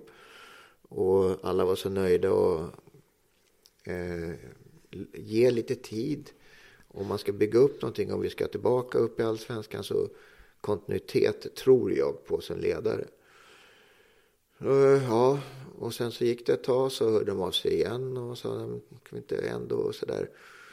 Och jag sa nej, jag tycker inte det. Men sen så slutligen så satt jag i bilen hem ifrån Linköping. Jag hade varit och tittat på Danmark-Frankrike, dam-EM och scoutat för Pia och Lili. Då ringde de från styrelsen och, styrelsen och sa att nej men nu är beslutet fattat. Greg ska vara med på invigningen av Tele2 Eh, mot Paris och sådär. Men sen efter det så vill vi att du tar över. Ja, så men jag, jag har ju ett jobb, jag har ett vanligt jobb nu. Jag var ju fritidschef i Tyresö kommun då. Och jag kan inte bara ringa och säga jag kommer inte till jobbet imorgon och inte de närmsta fem månaderna heller. eh, och rekrytera en chef tar ju tre månader och så. Och jag hade ju tre månaders uppsägningstid så jag sa att ja, jag vet inte om det överhuvudtaget är möjligt. Och jag vet egentligen inte. Det är väl kanske otroligt mycket hjärta. Eh, och så. Och kanske mindre gärna just vid det tillfället. Att det liksom, okej, okay, min förening frågar om hjälp för att de behöver göra en förändring. Eh, kan man tacka ja eller kan man tacka nej? Eller vad gör man? Så det var ju mycket klurande. Sen så sa jag, ah, okej, jag kan lyssna med kommundirektören och sådär. Vad de säger om och då lyckades vi hitta en lösning där jag fick sköta ekonomin och driva projekt och det, men kunde göra det utan att liksom sitta på plats på kontoret hela tiden. Så jag var egentligen den dagen som vi var träningslediga, en dag i veckan var jag på, på kommunen och jobbade. Och sen så körde jag Hammarby. Eh, och sen, men sen precis när jag hade sagt ja till det så tittade jag i tabellen så var det sex poäng ner till nedflyttning och det var väl typ sju eller åtta upp till kvalplats eller någonting sånt där. Och då tänkte jag, men fasen Thomas, nu har du tänkt för mycket med hjärtat. Tänk om du ska vara med och din förening, att du menar de ska åka ur superettan. Tänk om det här är, är värre än vad man tror. Liksom. Men tack och lov så gick det ju bra och vi lyckades ju vända ändå den här trenden. Och jag tror du Magnus kom till mig och sa att vi hade ett ganska bra poängsnitt eh, när vi träffades på en bandymatch sen, eh, mm. som i princip hade räckt till att i alla fall klara kvalplatsen. Så att, vi, vad blev vi, fyra eller? Eh, 20, det här är 2013, ja. eller hur? Ja. vi lyfte i alla fall. Ja. Vi var inte i närheten av att åka jag, neråt i alla fall. Jag tror vi blev femma. Ja, femma kanske vi blev. Ja. jag kommer inte ihåg. Så så var det. Så att, det var lite grann så här när jag väl hade bestämt mig var det nästan lite skräckblandad förtjusning. Tack och lov gick det åt rätt håll. Och vi ökade på poängskörden och hade ett högre snitt än vad vi hade haft innan det året. Så på så sätt var jag nöjd. Men det var ju en problematisk tid att vara tränare för Hammarby också. Det, det ska man inte sticka under stol jag tänkte på det du sa att du eh, eh, hade då förordat att eh, Greg skulle fortsätta. Eh, alltså någon bild man har fått av Greg, det var att han var eh, lite lite antitesen mot dig. Som, alltså du är ju känd humanist, du är bra på att se alla i, i ett lag. Det har ju många sagt om, om eh, 2001, alltså spelare jag har träffat som haft Sören och dig då under det året. Att, att liksom, du var ganska betydelsefull i det här. Mm. Eh, det har faktiskt spelare sagt till mig också. ja, vad härligt.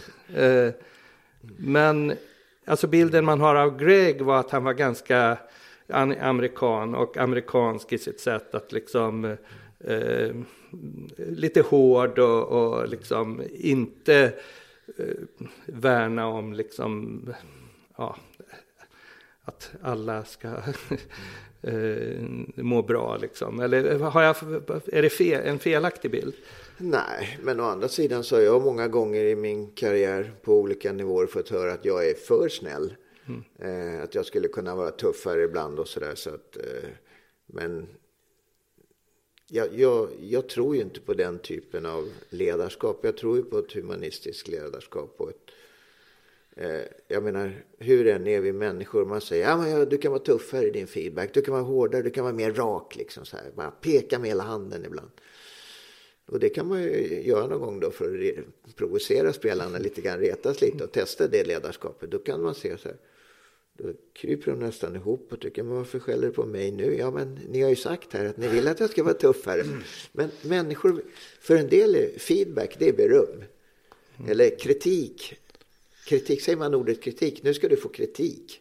Då tänker jag, fan, nu ska han säga en elakt. Men jag hade tänkt ge dig positiv kritik. Mm. Alltså kritik har ju blivit ett negativt betingat ord, fast det är ju egentligen ett neutralt ord. Och sådana där. Så nej, men jag tror mer på det.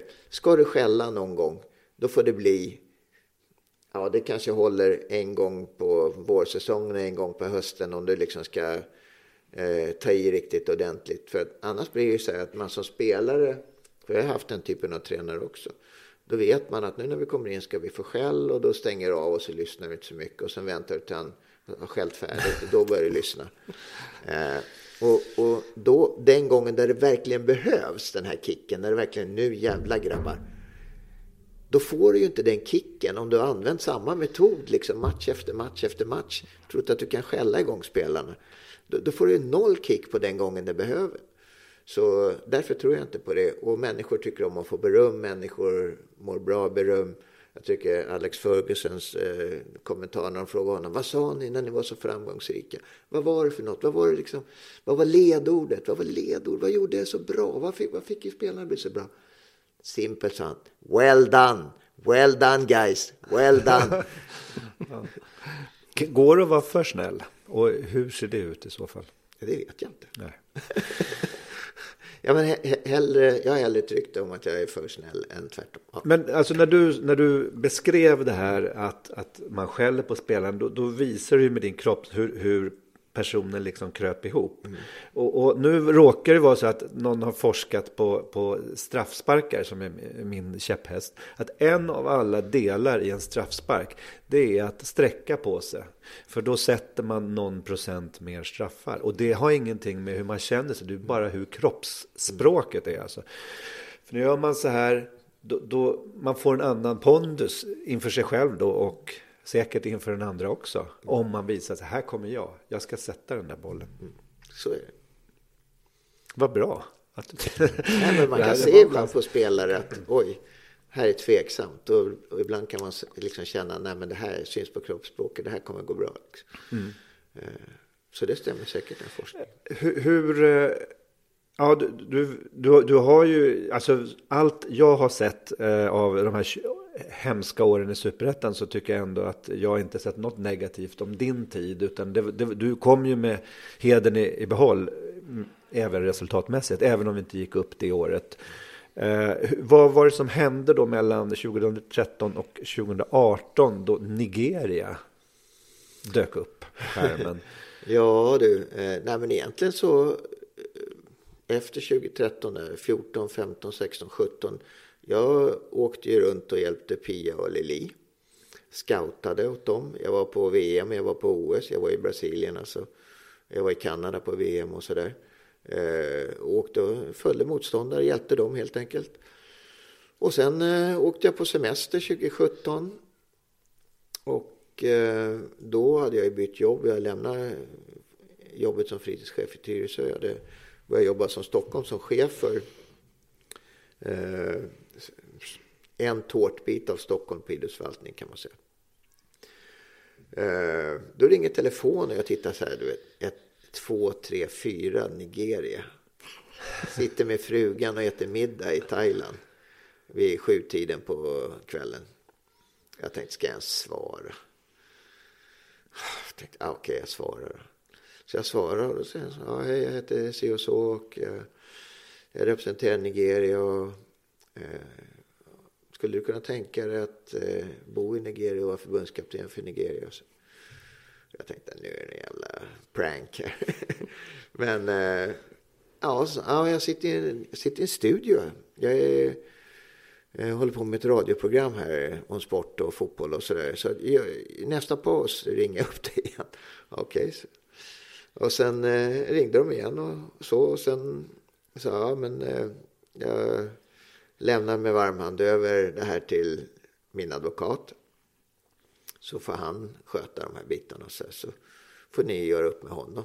Jag är intresserad och jag skulle tycka det var fantastiskt roligt. Och, men allt det praktiska, det ska ni inte ta med mig. För där är det däremot en nackdel att vara för snäll. När det ska skrivas avtal och förhandlas. Då ska man inte vara den snälla pojken Thomas. Eh, nej men så, nej men de gjorde klart allting och eh, eh, jag får iväg till Nigeria i januari, februari 2018. Och eh, ja, det var ju en väldigt speciell period på många sätt och vis. Eh, då man hann känna sig både väldigt, väldigt uppskattad. Eh, man hann känna sig ovälkommen. Man hann känna sig lurad för att lön kom ju aldrig. Och så vidare och så vidare. Men alla de här problemen lyckades ju till slut ändå lösa sig. Och eh, framförallt så blev vi ju afrikanska mästare. Det är faktiskt inte så många svenskar tror jag som har blivit afrikanska mästare.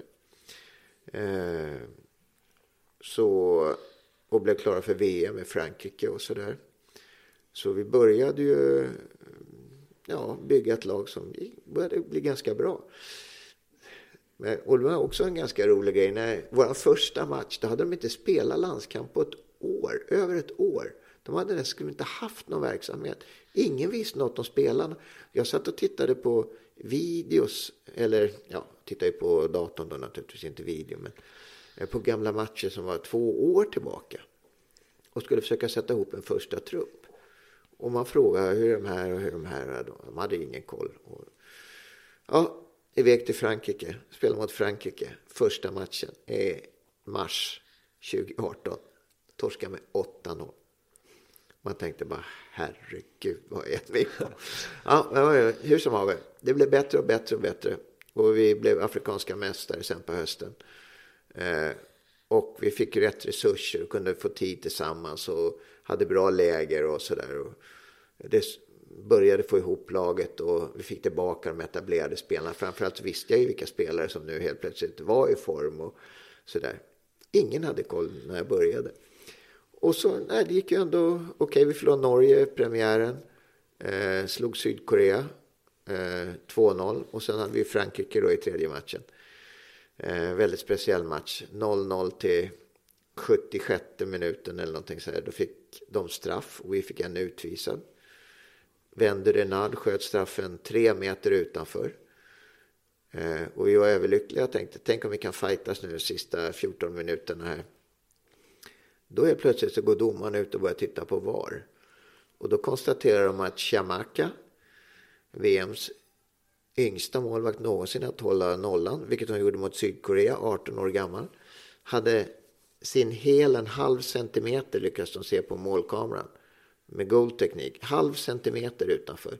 Så vänder Renard får gå fram och slå en straff till och gör 1-0 så förlorar vi med 1-0 och då från att vi skulle, vid fyra poäng hade vi varit klara in till 16-delen. Nu fick vi sitta och vänta i tre dagar och titta på, för vi var i grupp A då med Frankrike. Eh, men det löste, och vi kom ju till då, men, eh, till 16-delen, men sen förlorade vi mot eh, Tyskland då i men det var ju en framgång för dem att komma vidare från gruppspelet och de var väldigt glada.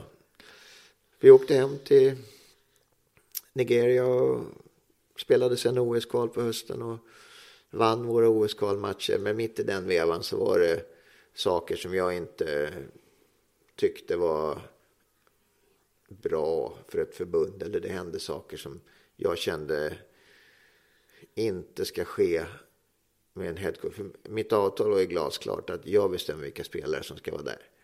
Och jag skickar in en trupp och någon på förbundet tar bort spelare som jag har tagit ut.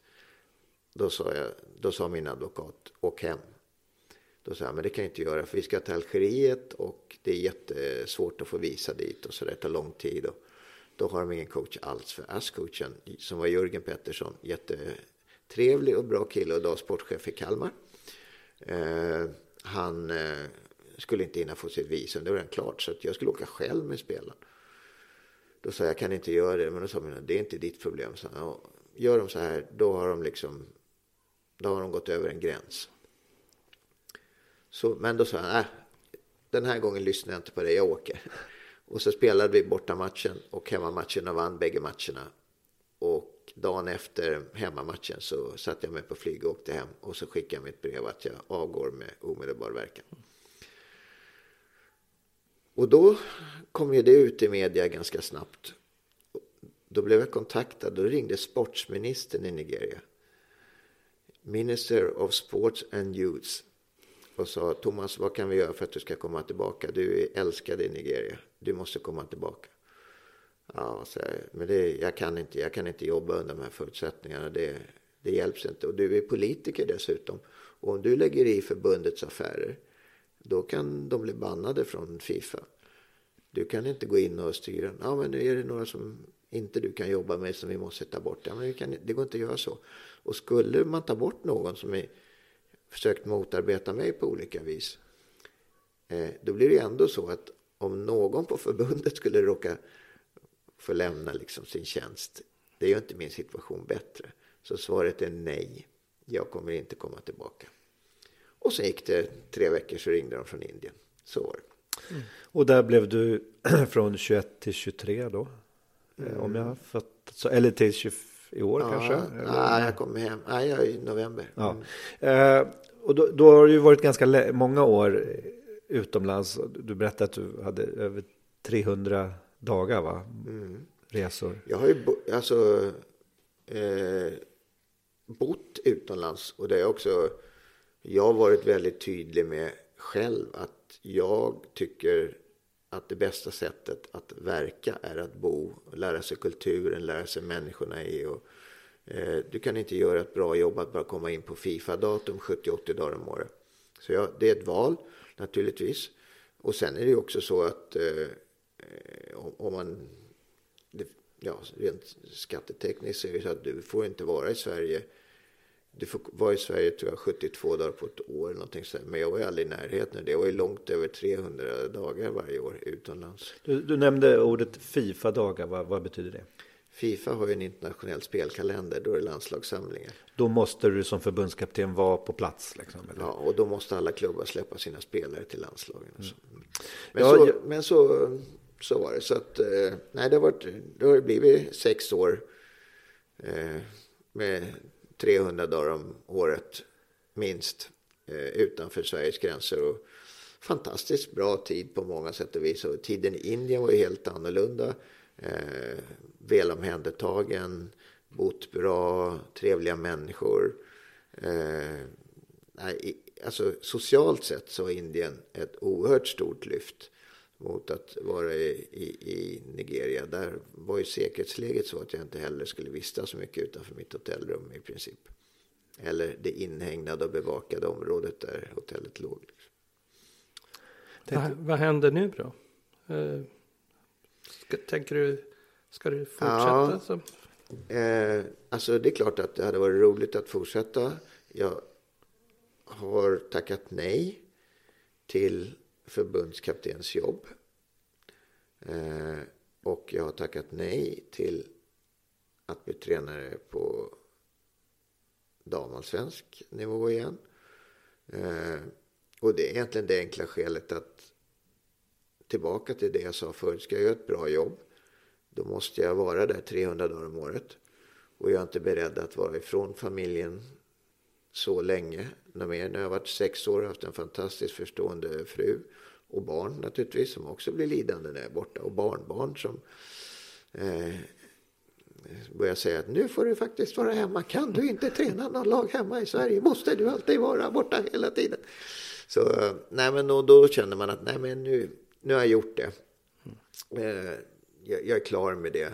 Eh, även om det, sen är man ju som människa så. Det är ju samma sak som att man vill spelare ge beröm. Att, att någon kommer och säger att vi vill att du ska bli förbundskapten för oss. Det är ju ändå ett betyg på att man har gjort något bra. Och i, i det här fallet, det, där, det senaste då pratade jag om, det var ett, ett, land i Afrika och de sa vi har också pratat med Nigeria och vi vet hur pass omtyckt du var där utav spelare och ledare och alla som jobbar runt omkring dig. Och, Eh, så vi, vi är mycket väl medvetna om hur du är som person och allting sådär. Så, eh, men jag tackade vänligt nej och sa att jag kan inte. Eh, på grund av att jag inte är beredd att bo där 300 dagar om året längre. Så att eh, just nu så, så är det så. Det spelar ju ingen roll om du ska träna ett damallsvenskt lag eller ett herrlag i superettan eller i ettan eller någonting sånt här och inte är i Stockholm. Du ska jobba sex dagar i veckan. Det spelar egentligen ingen roll om jag är 70 mil från Stockholm eller om jag är 700 mil från Stockholm. Du är ifrån familjen i alla fall. Och eh, nej, jag, jag tycker det, det känns som att det, det är absolut hög tid för mig att betala tillbaka till min fina familj. Jag tänkte faktiskt ställa den frågan, så nu har du redan svarat på det. Som näst sista fråga det här med just all tid du har varit borta. Så då tänkte jag bara ta en, en liten, någon slags sammanfattning här som jag, jag eh, har kommit fram till. Om inte du vill säga ja, något får jag mer? slänga in eh, bara en liten eh, grej och backa bandet lite här. Då när du 2013 eh, tog över Hammarby sista halvåret och efter Greg. Eh, hade du velat fortsätta då som Hammarbytränare? Eh, det är klart att i den bästa av världar så hade jag gärna gjort det. Men jag visste redan när jag gick in i det att det inte skulle vara praktiskt möjligt. För att det var en av de saker som ingick i dealen med mitt jobb. Att jag skulle komma tillbaka när säsongen var över. Så det, det svåraste för mig var egentligen att inte säga det till någon. Och jag visste ju tidigt också vilka tränare som var aktuella att ta över. Eh, Eller i och med att du var engagerad i Sportrådet som du sa där? Ja, men det fick jag ju lämna då när jag blev Ja, tränare. Men man vet, idrottsvärlden är inte så stor. Eh, och sen, eh, ja, och Mats Jingblad och jag har ju också spelat ihop. Vi spelade ihop i, i pojk och junior och u och allt det där. Så,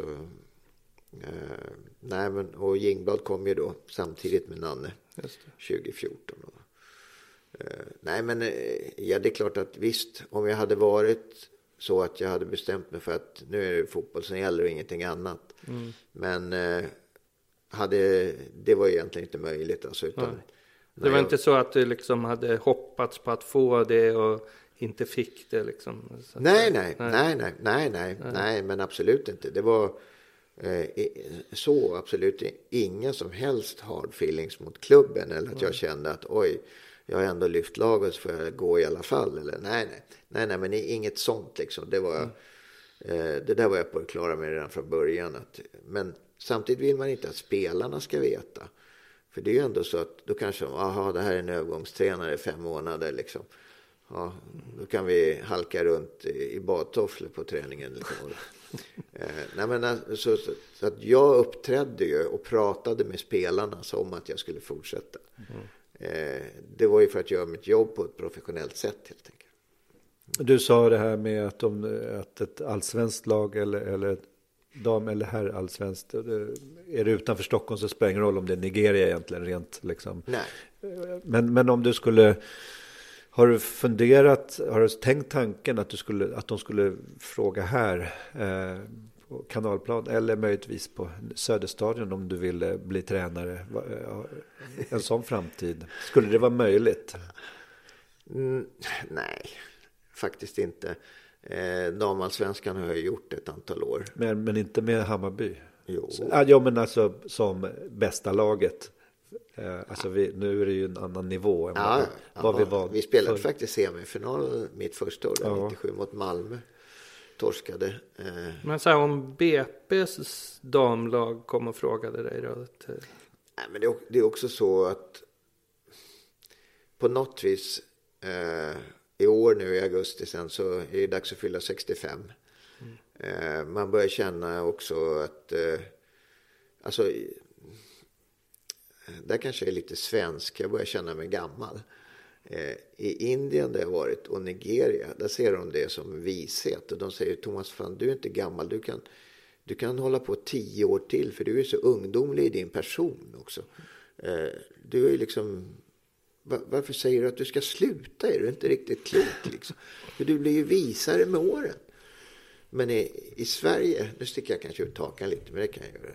Där kan man ju ibland känna att man är bränd när man har passerat 40. Att man liksom, de ser inte åldrandet och lär, alltså det här, all den erfarenhet har lag, eh, lagt på det genom åren som bara positivt, vilket man gör i, i de här länderna. Sen kan man säga å andra sidan att de kanske ibland har för stor respekt för sina ledare och sina coacher. Och det. Nu ska jag berätta en rolig sak förresten. Min, min första eh, eh, resa med Nigeria. Vi skulle spela WAFU, West Africa Football Union, har som en turnering, ungefär som nordiska kan man säga. Men Nigeria spelar alltid det med sitt U20-landslag. För de, de var ju spridda över hela Europa, eh, Nigerias se, more senior players. Så eh, då så eh, åker vi iväg på det här och de yes sir, yes sir till allting och gjorde precis som man sa. Så, Tjejer, ni måste också lära er att tänka själva och tänk om inte jag säger allting, ni kan inte titta på mig och så. här. Sen var vi ute och gick eh, en liten promenad på morgonen före matchen. Så när vi kommer, så när jag kom in på hotellet där på gatan precis framför hotellet så skriker jag bara 20 push-ups! Alla spelarna slänger sig ner på gatan och börjar göra armhävningar. Och jag ställer mig på trappen in till hotellet och asgarvar åt dem och säger vad håller ni på med? Sir, you said 20 push-ups! Yes. Men, eh, ja. Men om jag skulle säga något totalt idiotiskt, skulle ni göra det?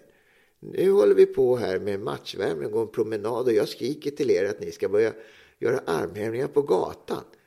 Gör aldrig någonsin det mer. och sen näst, inför nästa match gjorde jag likadant. Då bara vände de sig om så tittade de på mig så garvade No sir, not again. så, nej, men, och för mig är det... Jag såg, jag såg en utveckling att förändra le- ledarskapet. Att inte bara skälla och tala om för spelarna allting. Och regel på regel på regel på regel. Eh, så det var väl kanske... Eh, ja, och det, det tror jag också passade många av de sen seniorspelarna, för de var ju i Europa och var vana vid ett annat ledarskap.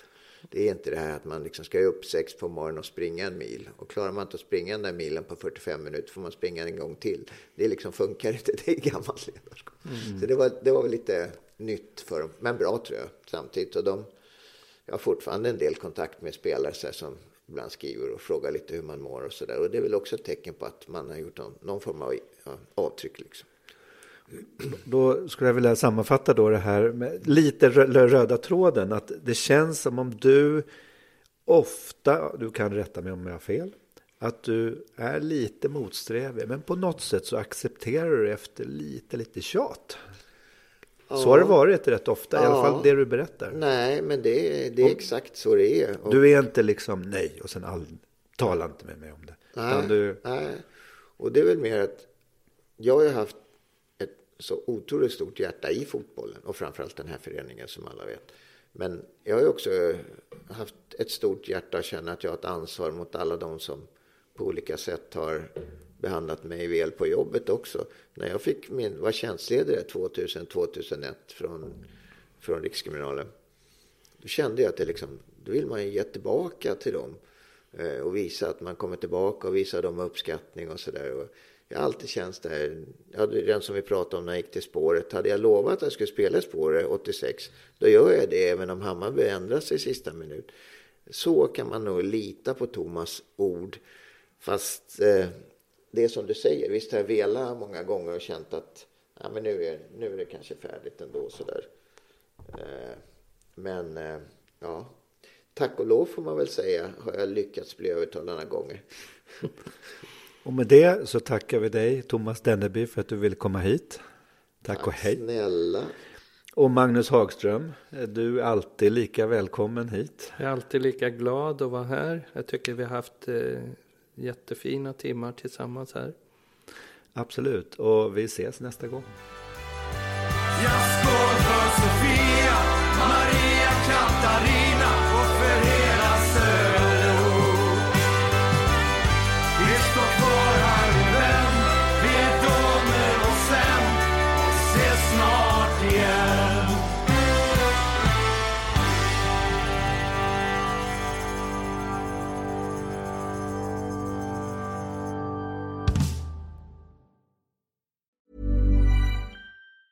Planning for your next trip? Elevate your travel style with Quince. Quince has all the jet setting essentials you'll want for your next getaway, like European linen, premium luggage options, buttery soft Italian leather bags, and so much more. And it's all priced at 50 to 80% less than similar brands. Plus, Quince only works with factories that use safe and ethical manufacturing practices. Pack your bags with high-quality essentials you'll be wearing for vacations to come with Quince. Go to quince.com slash trip for free shipping and 365-day returns. Planning for your next trip?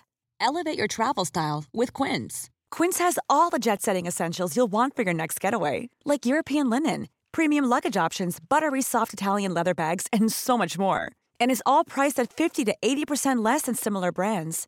Plus, Quince only works with factories that use safe and ethical manufacturing practices. Pack your bags with high-quality essentials you'll be wearing for vacations to come with Quince. Go to quince.com slash pack for free shipping and 365-day returns.